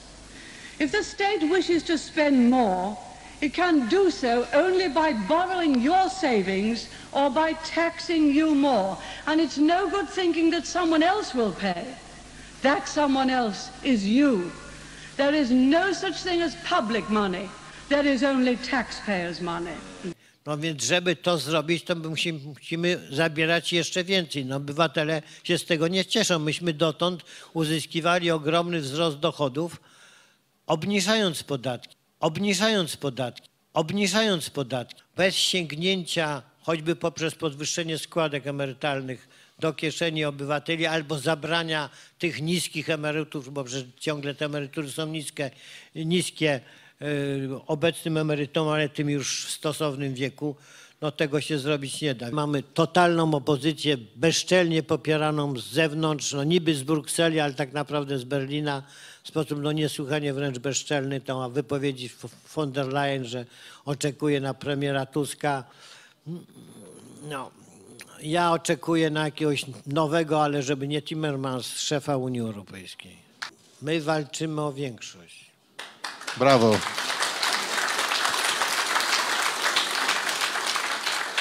I ta większość jest do osiągnięcia. Zwyciężymy! Zwyciężymy! Zwyciężymy! My jesteśmy dla tamtych ludzi zupełnie nie do zrozumienia, no bo my się kierujemy tą etyką, która no, wynika z jednej strony z chrześcijaństwa, a także z polskiej tradycji, no, tak zwanej tradycji rycerskiej. Czyli krótko mówiąc, dajemy wszystkim, dajemy wszystkim, dajemy wszystkim. Nie na zasadzie, że to są nasi przyjaciele z Prawa i Sprawiedliwości, tylko po prostu wedle tego, jakie są potrzeby te właśnie cywilizacyjne w poszczególnych powiatach, w poszczególnych gminach, bo to powiaty i gminy, no także i województwa są, są jakby celem, do którego te nasze pieniądze są przekazywane. Na okrzyk, chociaż dzisiaj go akurat nie słyszałem, precz z kaczorem dyktatorem. Precz z kaczorem dyktatorem! Precz z kaczorem dyktatorem! Ja się bardzo cieszę, że mnie tak wysoko cenią, ale, ale niestety nie jest to prawda. Niestety nie jest to prawda. Niestety nie jest to prawda. I my tą inflację opanujemy, tylko nie chcemy tego robić tą najprostszą, najbrutalniejszą metodą, bo można by przykręcić płace i inflacja by była wtedy bardzo szybko niższa, tylko że siła nabywcza też byłaby niższa, w związku z tym nakręcałoby się szybko bezrobocie i wszystkie tego konsekwencje i znów przez parę lat byśmy z tego wychodzili. Miasto Pabianice jako chyba jedyny samorząd w kraju podjął uchwałę o osiągnięciu neutralności klimatycznej do 2033 Ale roku. przepraszam, jakie miasto, bo nie usłyszałem. Pabianice. A, To nasze miasto Pabianice, w którym dzisiaj nie, za, e, nie zapisując w uchwale żadnych konkretnych działań do podjęcia, ani nie zabezpieczając żadnych środków finansowych. Jak pan prezes ocenia takie zastępcze tematy poruszane przez samorządy? No proszę Państwa, no źle oceniam, a poza tym to są rzeczy nieodpowiedzialne, bo sprawa mm, tych reform klimatycznych czy tam proklimatycznych jest w najwyższym stopniu wątpliwa. My musimy się z nimi liczyć, no bo jesteśmy w Unii Europejskiej, a ogromna część społeczeństwa, zdecydowana większość popiera naszą obecność w Unii Europejskiej i to jest w demokracji rozstrzygające. Natomiast y, no, wszystko robimy na przykład w tej chwili, żeby Unia Europejska na przykład y, no, zrezygnowała przynajmniej na okres wojny z ETS-u, albo przynajmniej go radykalnie obniżyła, albo chociaż wycofała to z tej lipskiej giełdy, bo to też będzie oznaczało spadek cen.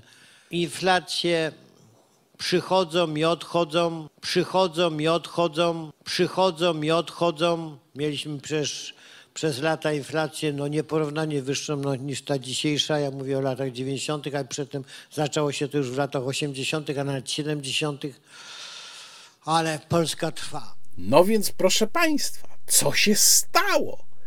Naprawdę rewolucyjne stwierdzenie ze strony Jarosława Kaczyńskiego, który, jak Margaret Thatcher, którą tam Państwu przypomniałem, słynne wystąpienie z Blackpool z konferencji torysów, powiedział nagle, przyznał, że rząd nie ma własnych pieniędzy.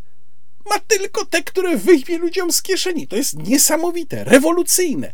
Szkoda tylko, że to stwierdzenie padło wyłącznie w kontekście emerytur stażowych, czyli punktu, którego dotyczy spór Prawa i Sprawiedliwości rządu Mateusza Morawieckiego i Jarosława Kaczyńskiego z Solidarnością, która zamierza między innymi w tej sprawie niedługo w Warszawie y, protestować. Nie tylko w tej, ale również w tej. No szkoda, że Jarosław Kaczyński w innych kwestiach, w innych sprawach finansów państwa nie przypomina tej prostej prawdy. Nie ma takiej rzeczy jak pieniądze publiczne. Są tylko pieniądze podatników. Ale tam w tym skrócie parę jeszcze wątków się pojawia, więc zwrócę Państwa uwagę po pierwsze na to, że Niemcy tradycyjnie w okresie kampanii stają się chłopcem do bicia i na pewno będą tam bite jeszcze i smagane wielokrotnie.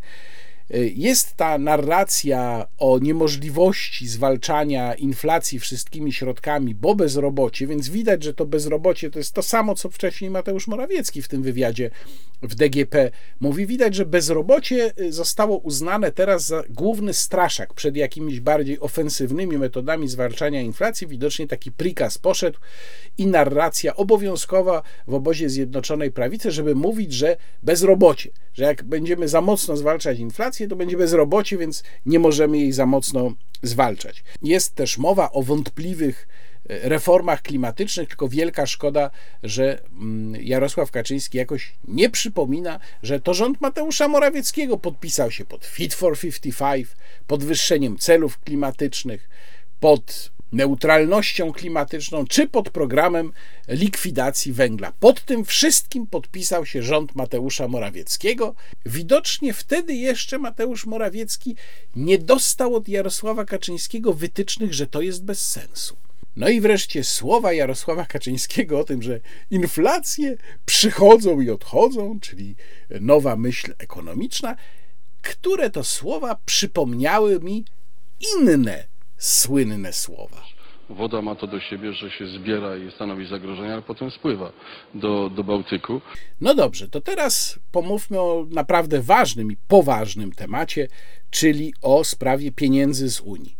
Poważnym dlatego, że mm, o ile jeszcze w przypadku pieniędzy z KPO, czyli tych tak zwanych bezzwrotnych, które oczywiście tak naprawdę bezzwrotne nie są, ale tak zwanych bezzwrotnych, które wynosiłyby tam no w tej chwili według obecnego kursu już ponad 100 miliardów złotych, to jeszcze można było powiedzieć, że rzeczywiście bez tego jesteśmy w stanie mm, działać, że, że to nie jest taka no absolutnie żywotna suma dla Polski, ale kiedy teraz już mówimy łącznie o e, sumie sięgającej no właściwie prawie pół biliona złotych, no to robi się poważna historia. Mówię tutaj oczywiście o tym, co może zostać potencjalnie e, zablokowane. Premier zapowiedział w tym wywiadzie w e, DGP pierwsze złożenie pierwszego wniosku e, o pieniądze z KPO, tylko że KPO nie zostało uruchomione, a to oznacza, ponieważ jak wiadomo, rzecz tu, sekwencja wygląda tak, że najpierw trzeba wydać pieniądze, potem są zwroty z KPO, a to oznacza, że y, te, z, tych zwrotów ma na razie udzielać Polski Fundusz Rozwoju. Czyli my sami nie tylko już finansujemy kredyty, które w ramach Funduszu Odbudowy i Wzmacniania Odporności trzeba spłacać, no bo wzięliśmy na siebie już to zobowiązanie, ale jeszcze sami z własnych budżetowych pieniędzy mamy dokonywać tych zwrotów, które powinny pochodzić z KPO. Y, więc to jest ciekawa konstrukcja.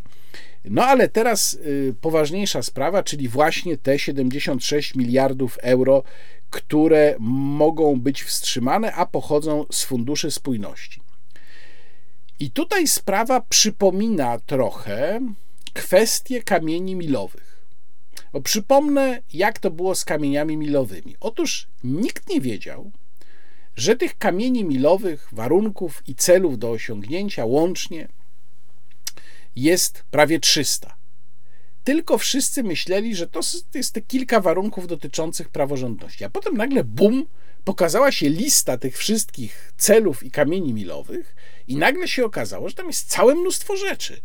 Łącznie z podatkiem od samochodów spalinowych, łącznie z, ze zmianami w regulaminie Sejmu, no jakiś w ogóle horrendum. Nikt tego nie wiedział i to było potem po cichutku negocjowane i wpisane do tego planu i nagle się ujawniło, prawda? I tutaj jest trochę podobna historia. Zaraz Państwu wyjaśnię dlaczego. Ale najpierw przypomnę, że skąd w ogóle się wzięła informacja, czy takie, taka plotka polityczna o tym, że te pieniądze dla Polski, te 76 miliardów euro, mogą zostać wstrzymane. Otóż to padło e, na spotkaniu w Brukseli ze strony Marka Lemetra, dyrektora generalnego do spraw polityki regionalnej w Komisji Europejskiej. No i polski rząd zareagował na to, tam na konferencji pan Piotr Müller, rzecznik rządu, między innymi wskazywał, pokazując na, na ekranie za sobą życiorys pana Lemetra, że to jest człowiek związany z opozycją, że on był między innymi szefem gabinetu e, Janusza Lewandowskiego mm, jako komisarza unijnego. No, to jest wszystko prawda, tylko teraz y, można sobie zadać pytanie, czy to powoduje, że słowa pana Lemetra są niewiarygodne bo mnie się wydaje, że raczej powoduje, że są bardziej wiarygodne, bo pan Lemaitre siedzi w tym całym towarzystwie, które no jest, powiedzmy sobie szczerze, wrogie Polsce, czy też polskiemu obecnemu rządowi i jeżeli on mówi, że coś takiego jest możliwe, to raczej bym się zaniepokoił, bo to on raczej dobrze wie właśnie, co ewentualnie może być w planach.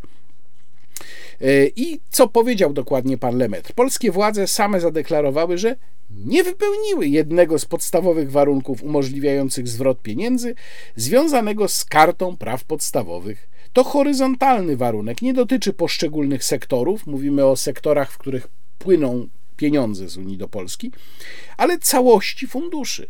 I dopóki on nie będzie wypełniony przez Polskę, płatności nie będą zwracane przez Komisję Europejską. No, skutki y, tych wypowiedzi już widzieliśmy w kursie złotówki, w oprocentowaniu dziesięcioletnich obligacji. No i teraz o co tutaj chodzi? Bo nagle pan Lemer się odwołuje do karty praw podstawowych. Gdzie, jak, skąd? E, otóż mm, ja przypomnę w ogóle o co chodzi z kartą praw podstawowych, bo to jest w tej sprawie akurat ważne. Karta praw podstawowych jest uzupełnieniem do traktatu lizbońskiego. Kiedy mieliśmy podpisać, ratyfikować, negocjowaliśmy traktat lizboński, zresztą moim zdaniem zgoda na traktat lizboński to był absolutnie ogromny błąd ze strony pana prezydenta Lecha Kaczyńskiego, no ale to jest osobny temat.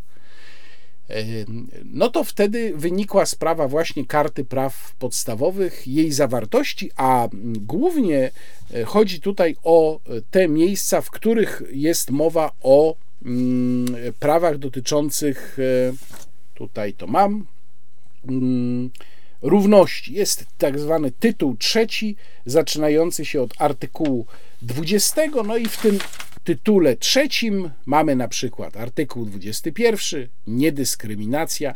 Zakazana jest wszelka dyskryminacja, w szczególności ze względu na płeć, rasę, kolor skóry, pochodzenie etniczne lub społeczne, cechy genetyczne, język, religię lub przekonania, poglądy polityczne lub wszelkie inne poglądy, przynależność do mniejszości narodowej, majątek, urodzenie, niepełnosprawność, wiek lub orientację seksualną. No i tam ileś tych zapisów jeszcze jest takich, które przy rozszerzającej interpretacji, a taką często stosuje Europejski Trybunał Sprawiedliwości, mogłyby być problematyczne.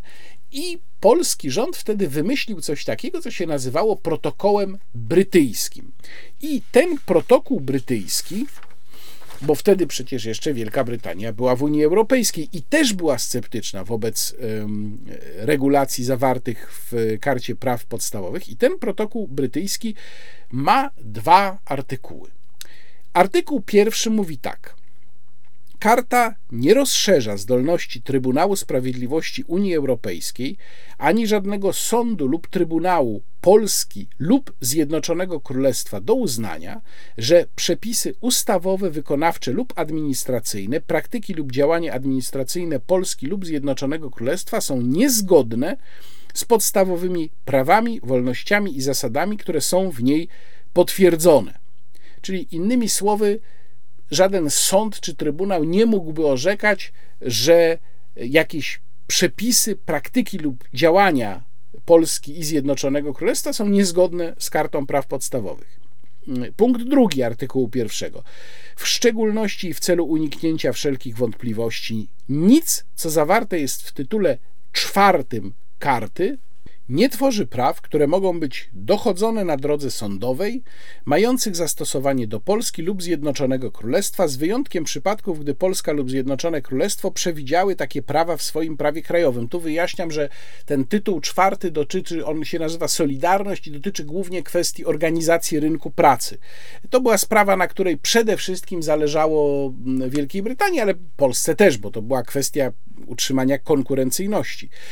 I wreszcie artykuł drugi protokołu brytyjskiego. Jeżeli dane postanowienie karty odnosi się do ustawodawstw i praktyk krajowych, ma ono zastosowanie do Polski lub Zjednoczonego Królestwa wyłącznie w zakresie, w jakim prawa i zasady zawarte w tym postanowieniu są uznane przez ustawodawstwo lub praktyki Polski lub Zjednoczonego Królestwa.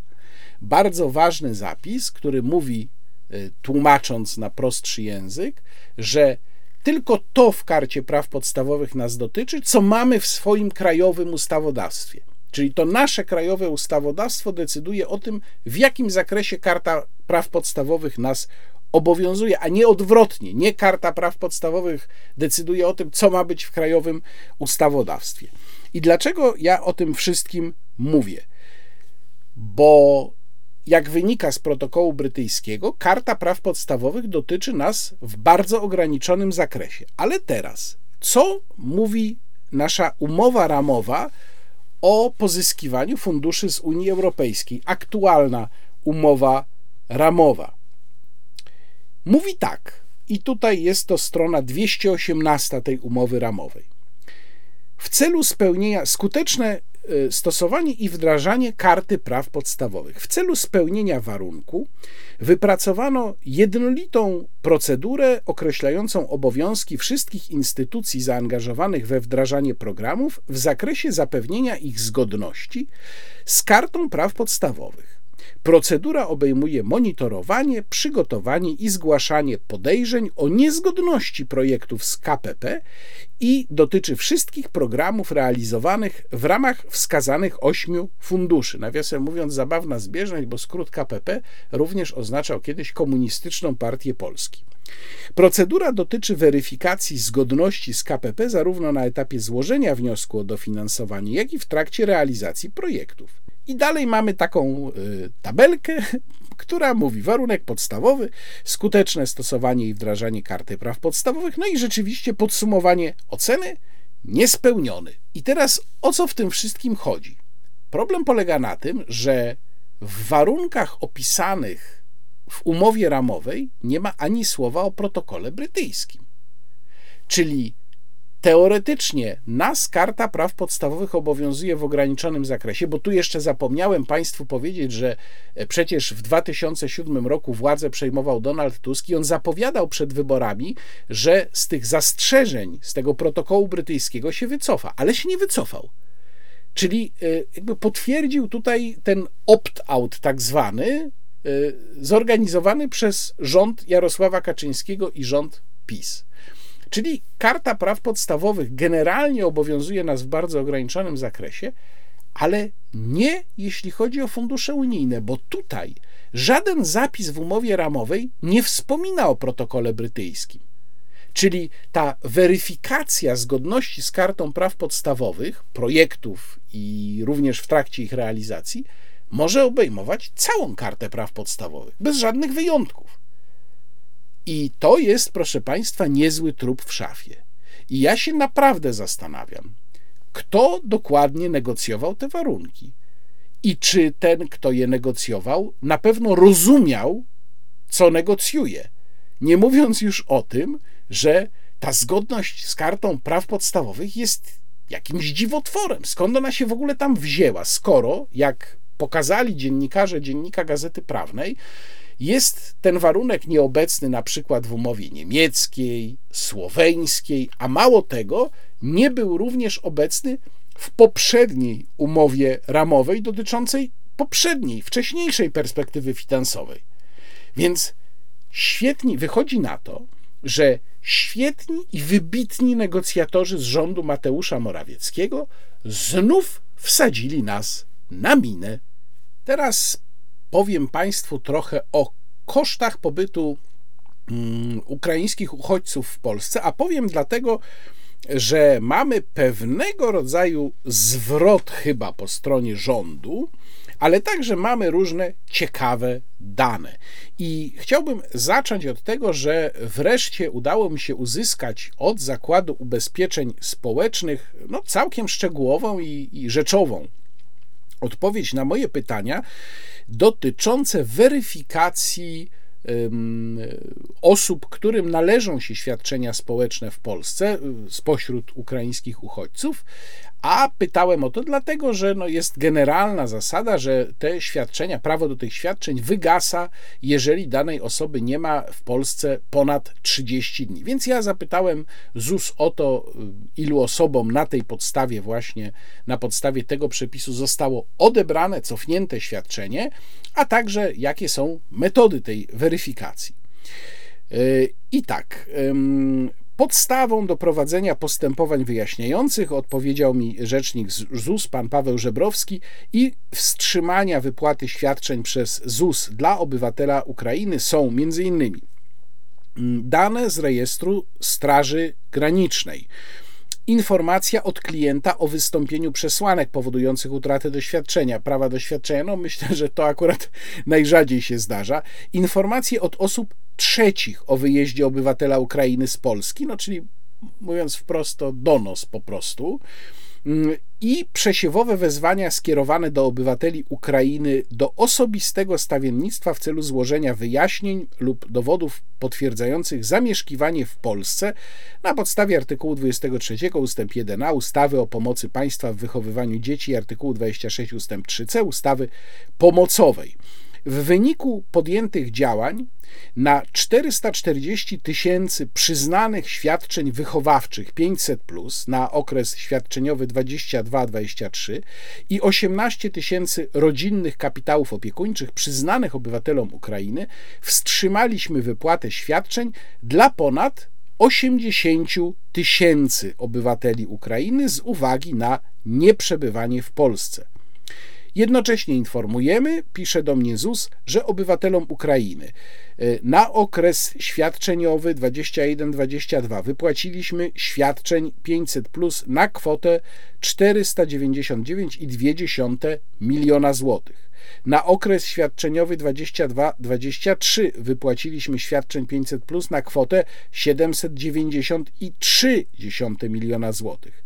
Wypłaciliśmy rodzinnych kapitałów opiekuńczych na kwotę 67,8 miliona dofinansowanie pobytu dziecka w żłobku 1,2 miliona i y, świadczenia Dobry Start 32,7 miliona. Czyli ZUS prowadzi jakąś weryfikację, ale teraz y, warto zobaczyć, o co tutaj naprawdę chodzi, jak ta weryfikacja jest skuteczna. Otóż po pierwsze, ten system, o którym pisze do mnie rzecznik ZUS, no rzecz jasna, nie jest w 100% szczelny. On jest pewnie dosyć dziurawy, a też trzeba zrozumieć, że ZUS zajmuje się tutaj um, weryfikacją tam, gdzie już zgodnie z prawem dana osoba traci prawo do świadczeń. Ale przecież, jeżeli zastanowimy się nad zjawiskiem turystyki socjalnej, o którym to zjawisku pisał no nie tak dawno Wojciech Bakun, mm, prezydent Przemyśla, to turystyka socjalna nie polega tylko na tym, że ktoś znika na ponad 30 dni i zgodnie z prawem traci prawo do świadczeń. I wtedy można mu te świadczenia odebrać, tak jak to zrobił ZUS w przypadku 80 tysięcy osób. A i tak pewnie y, nie zweryfikował wszystkich i, i wszystkich nie udało mu się znaleźć, tych, którzy prawo zgodnie z prawem, prawo do świadczeń powinni stracić. Ale turystyka socjalna polega na sprytnym wykorzystywaniu istniejącego prawa i działaniu tak naprawdę zgodnie z prawem. Czyli polega na tym, mówiąc wprost, że ktoś 29 dni siedzi na Ukrainie, a 30 dnia przyjeżdża do Polski i pobiera świadczenie. Złamał prawo? Nie złamał prawa, prawda? Więc yy, ja myślę, że gdyby zacząć weryfikować pod tym względem, no to by się okazało, że skala jest znacznie większa niż te 80 tysięcy ludzi, no ale prawo jest skonstruowane tak, jak jest, i też można się zastanowić, dlaczego te warunki są takie, jakie są, bo te 30 dni to jest zasada ogólna. Nie skonstruowano tutaj żadnego specjalnego prawa y, w związku z y, uchodźcami z Ukrainy. I chyba w kontekście może trochę zmieniających się nastrojów, może jakichś wewnętrznych sondaży, a pewnie i właśnie e, tych oskarżeń o turystykę socjalną w tym kontekście pewnie należy odczytywać wypowiedź pana wiceministra spraw wewnętrznych Pawła Szefernakera, który u Krzysztofa Ziemca w RMF FM mówił właśnie o kwestiach utrzymywania uchodźców z Ukrainy. Proszę posłuchać skrót e, kilkuminutowy z całej rozmowy. W obliczu zaostrzającego się konfliktu na Ukrainie jesteśmy przygotowani na przyjęcie nowej fali uchodźców. Jakie są tutaj e, analizy rządu? Ja w tym tygodniu jako pełnomocnik rządu do spraw y, y, uchodźców wojennych z Ukrainy spotkałem się także z ambasadorem Ukrainy. Rozmawiamy na bieżąco, jakie są prognozy strony ukraińskiej dotyczące kolejnych ewentualnych fal uchodźców. Dziś jest duża determinacja na Ukrainie, żeby y, ci mieszkańcy, którzy y, będą musieli zmuszeni do migracji, żeby to była migracja wewnątrz Ukrainy, ze wschodu na zachód Ukrainy, żeby to nie była migracja poza granicę Ukrainy. Czyli I to jest naprawdę nie spodziewamy się nowej fali? Nie spodziewamy się uchodźców, Oczywiście. którzy by teraz chcieli przyjechać do Polski? Oczywiście dynamika wojny powoduje to, że mogą być różne sytuacje, więc byłbym nieodpowiedzialny, gdybym zadeklarował jednoznacznie, że nie będzie kolejnej fali. I my na takie rozwiązanie również się przygotowujemy, ale trzeba po powiedzieć, że jest niezwykła determinacja rządu ukraińskiego, władz Ukrainy, żeby y, jak najwięcej mieszkańców pozostawało y, na Ukrainie. Mieliśmy parę dni temu y, wiele ataków agresora na punkty cywilne. Nie widać, aby był jakiś wzmożony ruch na granicy polsko-ukraińskiej w ostatnich dniach. Oczywiście pojawiają się uchodźcy, osoby, które deklarują, że, że są uchodźcami wojennymi, że będą na dłużej w Polsce, ale granicę przekracza dziennie około 22-23 tysięcy osób przyjeżdżających do Polski, z czego deklaracje, że są to uchodźcy e, stanowi jedynie 5%. A finansowo, panie ministrze, jesteśmy gotowi, aby objąć ewentualnie tych nowych ucho- uchodźców takimi samymi no, finansowo pomocą jak do tej pory? Ja myślę, że warto o tym powiedzieć, że e, pomimo wielu wydatków, które państwo polskie podejmuje, e, jeżeli chodzi o e, działania humanitarne, jak i pomoc tym Ukraińcom, którzy przybyli do Polski, bo rzeczywiście dużo tych działań żeśmy podjęli i sprawnie je mm, realizujemy, e, to z drugiej strony e, trzeba zwrócić uwagę na to, że ta migracja jest migracją wyjątkową, panie redaktorze. To rzadko o tym się mówi, ale e, ponad 400 tysięcy osób podjęło legalnie w Polsce pracę. Znaczy z dnia na dzień przybyło do nas e, e, około 650 tysięcy osób, które zostały tutaj na dłużej, a które są w wieku produktywnym, no bo reszta to są też dzieci, osoby starsze, łącznie 1 300 osób pozostało w Polsce. Dziś mamy około 1 300 Ja uchodźców. wszystko wiem, tylko- 650 tysięcy osób w wieku produktywnym, 400 tysięcy osób, które podjęły pracę. Ale dlaczego o tym mówię? Dlatego, że te osoby także pracują na polską gospodarkę. Dzięki tym osobom e, e, będzie, e, są wpływy do budżetu państwa z podatku dochodowego, e, z podatku VAT. i Te osoby na co dzień żyją. Oczywiście. Ja pytam o partycypację w kosztach ich utrzymania, bo pojawiają się takie informacje, że tutaj będzie zmiana, że, że część tych osób będzie musiała płacić za ten pobyt w Polsce. Te osoby, które przebywają w miejscach e, zbiorowego zakwaterowania, a mamy w tej chwili takich osób e, około 80 tysięcy, to są osoby, które wciąż przebywają w miejscu zbiorowego zakwaterowania. To są hale targowe, ale także pensjonaty, e, remizy strażackie. W całej Polsce e, grupa 80 tysięcy osób przebywa w takich miejscach. Te miejsca od stycznia chcemy, aby w tych miejscach osoby, które przebywają już ponad 120 dni, czyli takie, które miały te 120 dni na to, żeby w Polsce się usamodzielnić, żeby te osoby partycypowały w kosztach 50% na 50% przez najbliższe miesiące, a docelowo, żeby już całkowicie ponosiły koszty e, pobytu w Polsce. No nie możemy w nieskończoność e, finansować pobyt e, uchodźców. No nie możemy w nieskończoność finansować pobyt uchodźców. No nie możemy w nieskończoność finansować pobyt uchodźców. Chcemy dawać im narzędzia do tego, aby mogli normalnie żyć w Polsce. Polska- Takie narzędzia dajemy. A te 100% od kiedy? No to już w połowie przyszłego roku. Ta determinacja, żeby zatrzymać uchodźców w kraju, o której mówi pan minister Szefernaker, no, może wynikać również z tego, że Ukraina ma bardzo słabą sytuację gospodarczą i wyjeżdżający ludzie, ja o tym mówiłem w jednym z poprzednich wideoblogów, no, są realną stratą dla Ukrainy. To jest e, wyjazd siły roboczej, to jest wyjazd ludzi, którzy zostawiają po prostu w gospodarce swoje pieniądze i myślę, że stąd ta determinacja, więc y, ona jest faktyczna, to nie jest kwestia wymyślona. Natomiast stwierdzenie, że nie możemy uchodźców zasilać w nieskończoność, no to przecież jakiś onucyzm. Y, I pan minister Szefernaker to mówi, mając y, w tym samym gmachu niedaleko siebie pana ministra Wąsika, który ściga wszystkie onuce ruskie bezwzględnie, no to panie Wąsik, ścignij pan pana Szefernakera.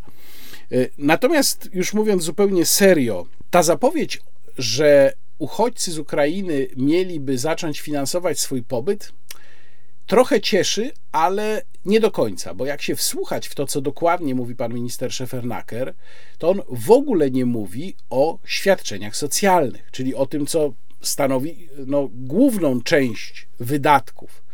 On mówi wyłącznie o ludziach, którzy mieszkają w takich no, zbiorowych punktach zakwaterowania i o tym, że oni mieliby się najpierw zacząć utrzymywać w połowie, a potem już w całości od połowy przyszłego roku.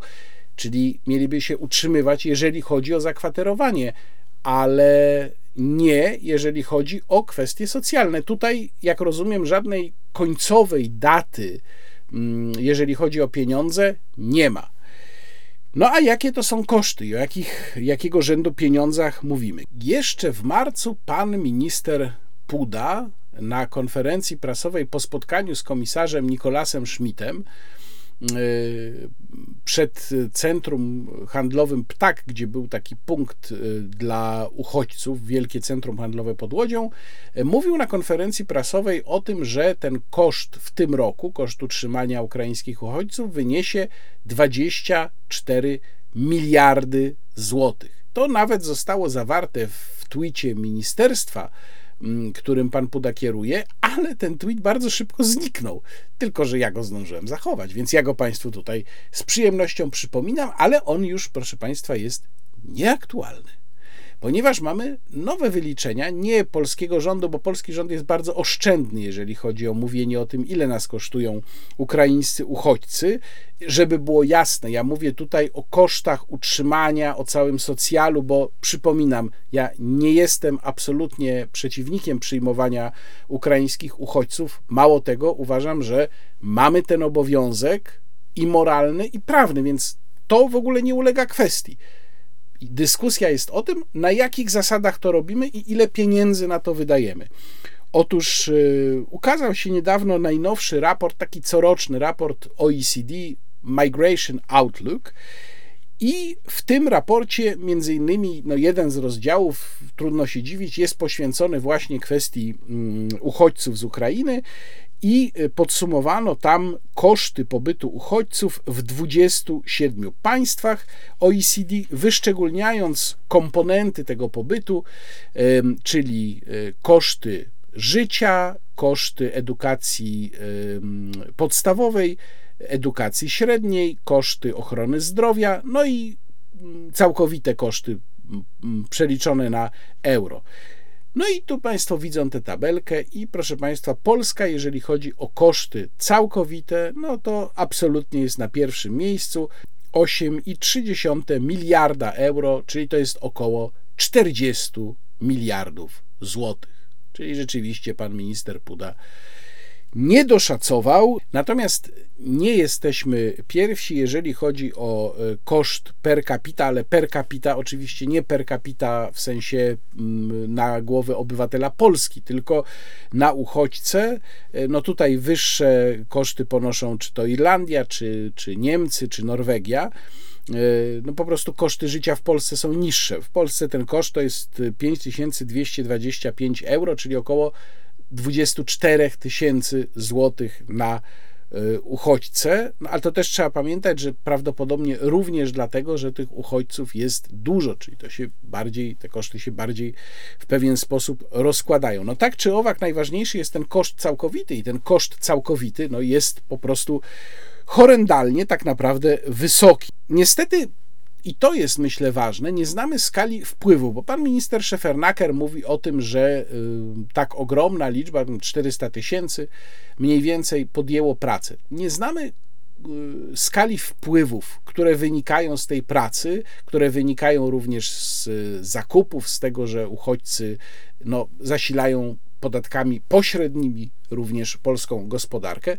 Z jakiegoś powodu rząd nie przedstawia takich szacunków. W ogóle uważam, że błędem jest to, że rząd nie przedstawia całościowych szacunków, tych właśnie, które dostaliśmy tutaj od OECD i nie przedstawia szacunków, nawet bardzo zgrubnych, bo oczywiście szczegółowo się tego nie da policzyć, ale mniej więcej dałoby się policzyć, ile taka no, przeciętny taki uchodźca, mm, czyli no, załóżmy kobieta z dzieckiem czy z dwojgiem dzieci, zostawia w polskim budżecie w postaci podatków bezpośrednich, pośrednich. To by się dało przedstawić. No chyba, że relacja ta relacja w stosunku do polskich wydatków na uchodźców jest tutaj tak słaba, że rząd się woli tym nie chwalić.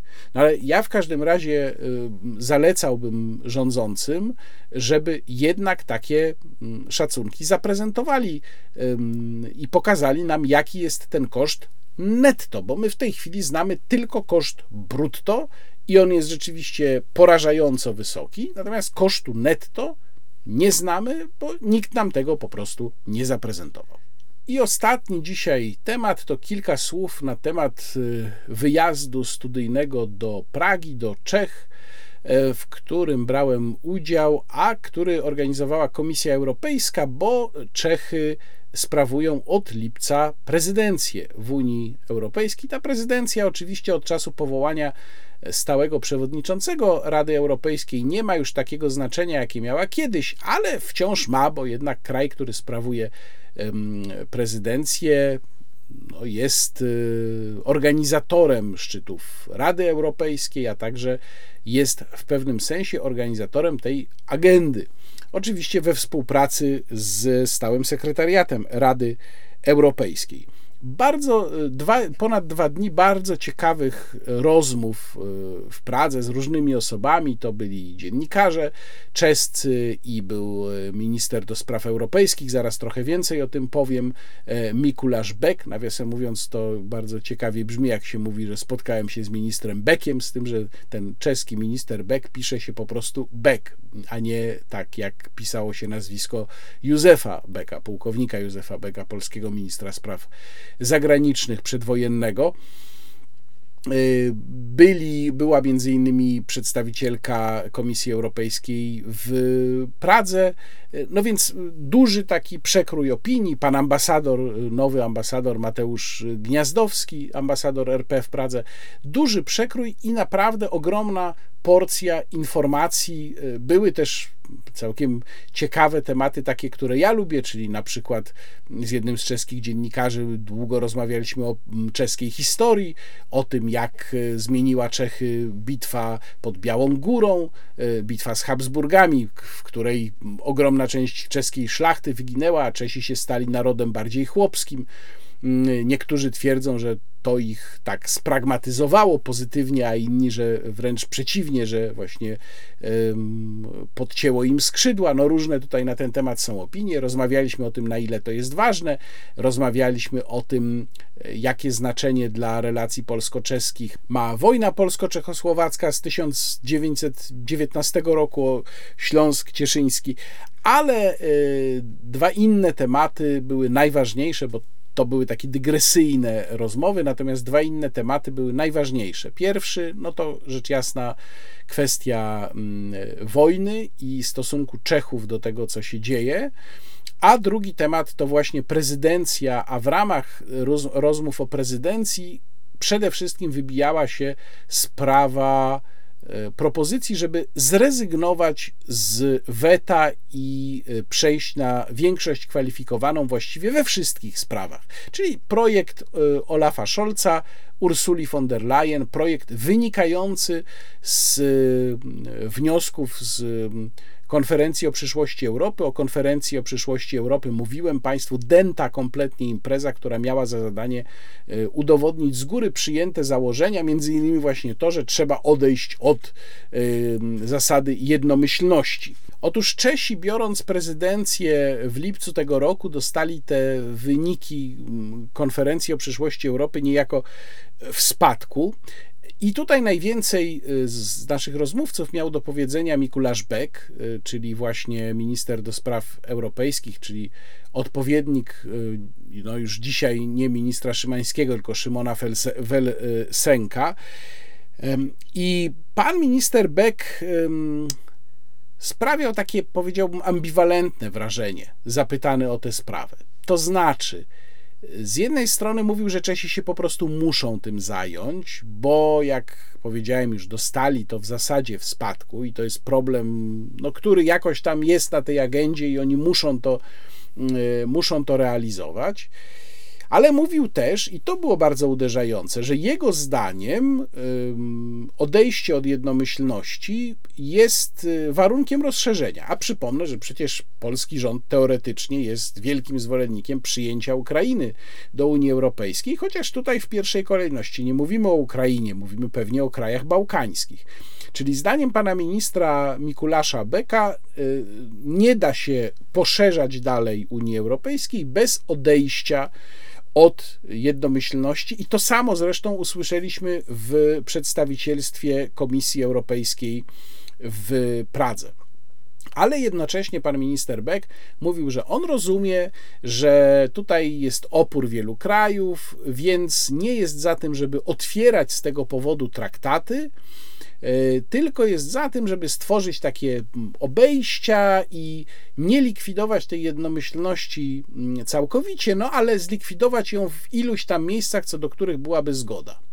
I muszę powiedzieć, że ta zapowiedź, nie wiem na ile to oczywiście minister Beck prezentuje własne stanowisko, na ile jest to stanowisko czeskiego rządu, bo też trzeba pamiętać, że to jest rząd koalicyjny i o ile premier Petr Fiala jest z ODS, to pan minister Beck jest z partii Piratów i Burmistrzów, y, która tam ma jakieś poważne własne problemy, więc on trochę mówi własnym głosem. A na ile to jest odbicie tego, co on słyszy od innych przywódców y, w trakcie spotkań Rady Unii Europejskiej. Ale dlaczego to jest niepokojące? Bo gdyby przyjęcie tej koncepcji odejścia od jednomyślności, czyli od prawa weta, wymagało otwarcia traktatów, to byłaby to duża sprawa i można by tutaj myśleć, że no, uda się to zablokować, utrudnić, opóźnić i tak dalej. Ale jeżeli to ma być na zasadzie, a tu zrobimy jakieś obejścia, uda się bez otwierania traktatów, no to się robi moim zdaniem bardziej niebezpiecznie, bo szansa na to, że tutaj polski rząd, który no jest, y, zwłaszcza z Mateuszem Morawieckim, jak wiadomo, bardzo ma takie, powiedziałbym, uległe podejście ostatecznie do tego typu propozycji, po prostu się zgodzi na jakieś tego typu rozwiązania. Ja już nie mówię o rządzie z Platformą Obywatelską na czele, ale rząd Mateusza Morawieckiego, jestem pewien, że gdyby się pojawiło jakieś rozwiązanie takie właśnie na zasadzie kompromisu i zgódźcie się na ten kompromis, to wam odblokujemy pieniądze, no to myślę, że niestety zgoda tutaj by była. Więc sprawa jednomyślności no jest ewidentnie w porządku obrad, jest y, w kalendarzu i to nie zniknie. To już jest w tej chwili poważna rzecz, poważna rozmowa. Y, I druga kwestia, no to Czesi i wojna. I tu przewijał się wielokrotnie wątek 70-tysięcznej demonstracji w Pradze. Jedni z naszych rozmówców nazywali ją wprost prorosyjską i mówili, że została zorganizowana przez prorosyjskich e, aktywistów, no ale byli też tacy, którzy mówili, no dobrze, no były takie akcenty prorosyjskie, wprost nawet prorosyjskie w tej demonstracji, ale jednak większość ludzi, no to było 70 tysięcy osób, to były osoby po prostu sfrustrowane sytuacją, niekoniecznie wcale pałające jakąś miłością do e, Rosji. Mm, więc e, to widać było, że ta demonstracja zrobiła w elitach praskich wrażenie. E, wszyscy właściwie się do niej odwoływali, ona była zupełnie oczywistym punktem rozmów. Natomiast drugim punktem rozmów, bardzo interesującym, było pytanie, czy Czesi jakoś trwale zmienili się pod wpływem wojny, bo generalnie społeczeństwo czeskie jest mocno nastawione mm, proukraińsko. Nawet jak się w stronę Malej Strany schodzi z mostu Karola, jest taki kościół dokładnie naprzeciwko zejścia z mostu Karola i tam no już od paru miesięcy, bo ja widziałem to również będąc w Pradze w czerwcu, jest duży taki plakat w kolorach ukraińskiej fragi z napisem Putin hands of Ukraine, czy jakoś tak. Y, I myślę, że to jest wyraz no, generalnego sentymentu y, większości, y, która jest dosyć zaangażowana w pomoc Ukrainie. Natomiast jest pytanie, na ile to jest trwała zmiana, na ile to jest zwrócenie się Czechów ku kierunkowi atlantyckiemu. Usłyszeliśmy na przykład, to jest bardzo interesujące, że e, bardzo mocny i pozytywny jest wizerunek czeskich sił zbrojnych, co w ogóle dla nas, no, przy naszym takim stereotypie, prawda, szwejka, może się wydawać jakieś absurdalne, ale podobno tak, podobno czeskie siły zbrojne bardzo zyskały wizerunkowo e, i dobrze sobie PR-owo, znakomicie sobie PR-owo e, obecnie radzą mm, ja spojrzałem na sondaże. Są interesujące sondaże dotyczące y, stosunku Czechów do y, wojny. I wynika z tego, robił to taki instytut STEM, wynika z tego, że w sumie oni tutaj wyliczyli pięć różnych postaw wobec sytuacji, czyli aktywne skłanianie się na zachód, pasywne składanie się na Zachód, niepewność, y, brak zaangażowania albo silnie prorosyjska postawa. No i ta silnie prorosyjska postawa, ona jest rzeczywiście marginalna, to jest tam 4-5%, w tej chwili w najnowszym badaniu to sierpień, wrzesień, jest to 4%. Y, Natomiast ciekawa jest kwestia dotycząca mm, postaw y, prozachodnich, bo tutaj mamy wyraźny spadek w stosunku do czerwca.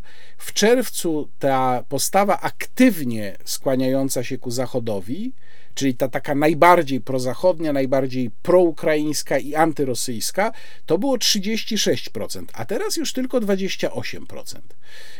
W sumie razem z postawą, powiedzmy, jak oni to nazywają w badaniu, pasywnie prozachodnią, było to w czerwcu 53%, teraz 49%, czyli no nie jest to może wielki spadek, ale jednak wyraźny. Z czego to może wynikać?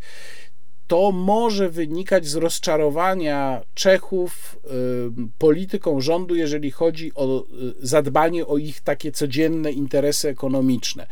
Rząd czeski bardzo późno się zorientował, że coś należałoby zrobić, na przykład z cenami energii, i dopiero stosunkowo niedawno wprowadził regulacje no, przypominające te, które też u nas teraz wprowadzono, tylko że u nas wprowadzono wcześniej jeszcze innego rodzaju e, ulgi, tam no, związane z akcyzą na przykład. W Czechach nic takiego nie zrobiono i bardzo wiele osób e, jeszcze stosunkowo niedawno, czyli przed wprowadzeniem tych regulacji stanowiących pomoc dla użytkowników, konsumentów energii, y, wyrażało w sondażach rozczarowanie y, postawą czeskiego rządu, że czeski rząd po prostu o nich nie dba.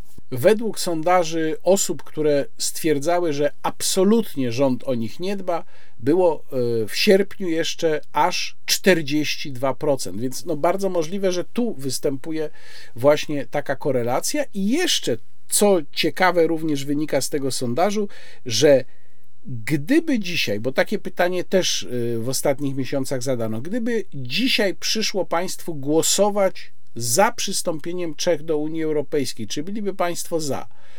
Bardzo ciekawe, w Czechach tak, twierdząco, czyli ano, odpowiada tylko około połowy obywateli, połowy respondentów.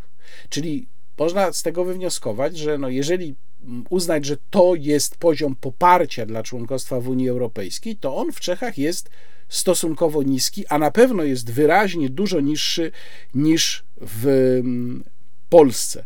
No i sondaże z pierwszej połowy roku pokazują też, że Czesi bardzo wyraźnie obawiają się skutków Zielonego Ładu, unijnego Zielonego Ładu, jeżeli chodzi o wpływ przede wszystkim na ich y, przemysł. No trudno się dziwić, to jest między innymi kwestia na przykład zakładów y, Skody. Y, Mam wrażenie, że Czesi mimo wszystko patrzą na sytuację przytomniej niż y, Polacy. Z tych sondaży się wyłania taki no, spokojniejszy, mniej emocjonalny obraz niż w Polsce. Y, dziś działu kulturalnego nie ma, ponieważ y, no nie mam po prostu do niego materiałów, ale proszę się nie martwić, on na pewno wróci, szczególnie, że mam jakieś plany zwiedzania związane z wyjazdem do Stalowej Woli. Przypominam, w czwartek o 18 e, Jana Pawła II 15a spotkanie. Zapraszam serdecznie. A za dzisiaj już Państwu dziękuję i przypominam o innych materiałach na kanale. Bardzo proszę, żebyście Państwo również je oglądali, również tam wstawiali polubienia i komentarze. Będę za to bardzo wdzięczny. Przypominam również o możliwości wsparcia kanału. A dzisiaj już kłaniam się Państwu. Do zobaczenia. Łukasz Warzecha.